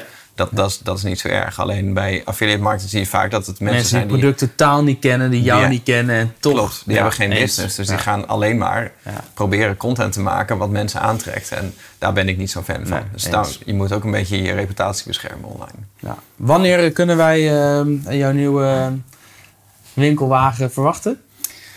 Wanneer gaan we de lancering starten? Eh, Dat weten we nog niet precies, want we gaan het in, in stukjes doen. Maar het zal in ieder geval in januari zal er wat beschikbaar zijn. Tof. En eh, in ieder geval in Q1 zal het eh, voor iedereen eh groots eh, gelanceerd zijn. Erg Dus benieuwd. ga ik ervan uit dat heel Nederland het heeft. Ja, te gek. Ja. Nou, ik heb, een, eh, ik heb een huddle. Ik had bedacht, heb ik je verteld, om dat voor huurders te doen in een pand. Ik dacht, dan kunnen huurders elkaar beter leren kennen. Et cetera. Ik heb het met wat huurders over gehad. En ik merkte dat die tonnen wat gereserveerd waren. Heb je tips voor mij om die huurders te overtuigen? Of zeggen van, joh, zet die huddle vooral in voor die podcastcursus die je ook hebt. En voeg die gewoon helemaal toe aan de huddle. Wat is kansrijker, denk je? Nou, mensen overtuigen, dat, dat gaat je niet lukken. Want een gewoonte bouwen, dat, eh, dat, dat, dat kost gewoon de nodige energie. Hè? Dus dat betekent dat mensen moeten getriggerd worden om naar jouw community toe te gaan. En Ja. dat is eerst extern, van, hè, dat jij mensen echt bewust terughaalt. En hoeveel te vaker ze terugkomen, des te groter de kans dat het een interne trigger wordt. Dat ze zelf denken van, hé, ik heb zin Ja. om naar die community te gaan. Dan moeten ze ook nog actief deelnemen en daarvoor beloond worden. En hoeveel te langer dat Ja. duurt, des te meer er een gewoonte Ja. gecreëerd wordt. Maar als het dan met begint met dat het iets is waar ze geen behoefte aan hebben, dat is trekken aan een dood paard. Dus je moet gaan, wel gaan kijken van, van is er een, een, een gemeenschappelijke factor, iets van gelijkgestemden, waar mensen echt met elkaar over zouden willen praten. Nou, Of, ik denk dat het, dus we hebben een pand, er zitten 50 huurders in bijvoorbeeld, allemaal verschillende bedrijven. Mhm. Maar het komt wel eens voor dat mensen dan, eh, als ik een borrel organiseer, naast elkaar staan en zeggen: Oh, ik ben die en die, eh, waar zit jij? Zeg ik, "Nou, ik, zit, ik zit hier boven. Dan denk ik: Hoe Mhm. Ja. kan het dat jullie elkaar niet kennen? Mhm. Dus daarvan dacht ik: Dat lijkt me nou leuk om een huddle Ja. te maken waarbij al die huurders zichzelf kunnen presenteren, waarbij het duidelijk is wie wie is. Klopt. Ook veelgestelde vragen. Hoe kom ik aan parkeerkaarten? Van hoe laat, het, hoe laat is het pand open? Wat als ik er in het weekend in wil? Ik dacht, nou, daar kan ik in de vaak gestelde vragen. Zit er een ticketing systeem in eigenlijk? Ja. Ja. Dus, dat zou, dus als ik tegen huurders zeg, als je een probleem een vraag hebt of een lamp knippert, dan moet je het hier Ja, indienen. Ja. Dan zou dat kunnen. Ja, je kan en daarmee trek je ze al Ja. in de huddle en zien ze ook wat er nog meer gebeurt. Klopt, je moet Slim. alleen opletten of, eh, dank je, Ja. of, ehm, of, of er genoeg te praten is, hè? of het niet te beperkt is en of het voor lange termijn is. Kijk, ik heb ook een paar jaar in een flat gewoond. Ik had niet op dagelijkse basis behoefte om Nee. contact te komen met andere flatgenoten. Nou ben ik dat. Ik ben niet zo'n sociaal wonder, dus ik zoek het contact niet op. Eh, ik kan me voorstellen dat er andere mensen in de flat zitten die dat misschien wel hadden gewild. Dus dat, dat, dat zou je moeten testen. Maar ja, dan moet het, het moet wel schaalbaar genoeg zijn. Het moet niet te eenmalig zijn. Oké, ga ik over nadenken. Tony, Oké. dankjewel. Dankjewel, graag gedaan. Jelly Driver Podcast.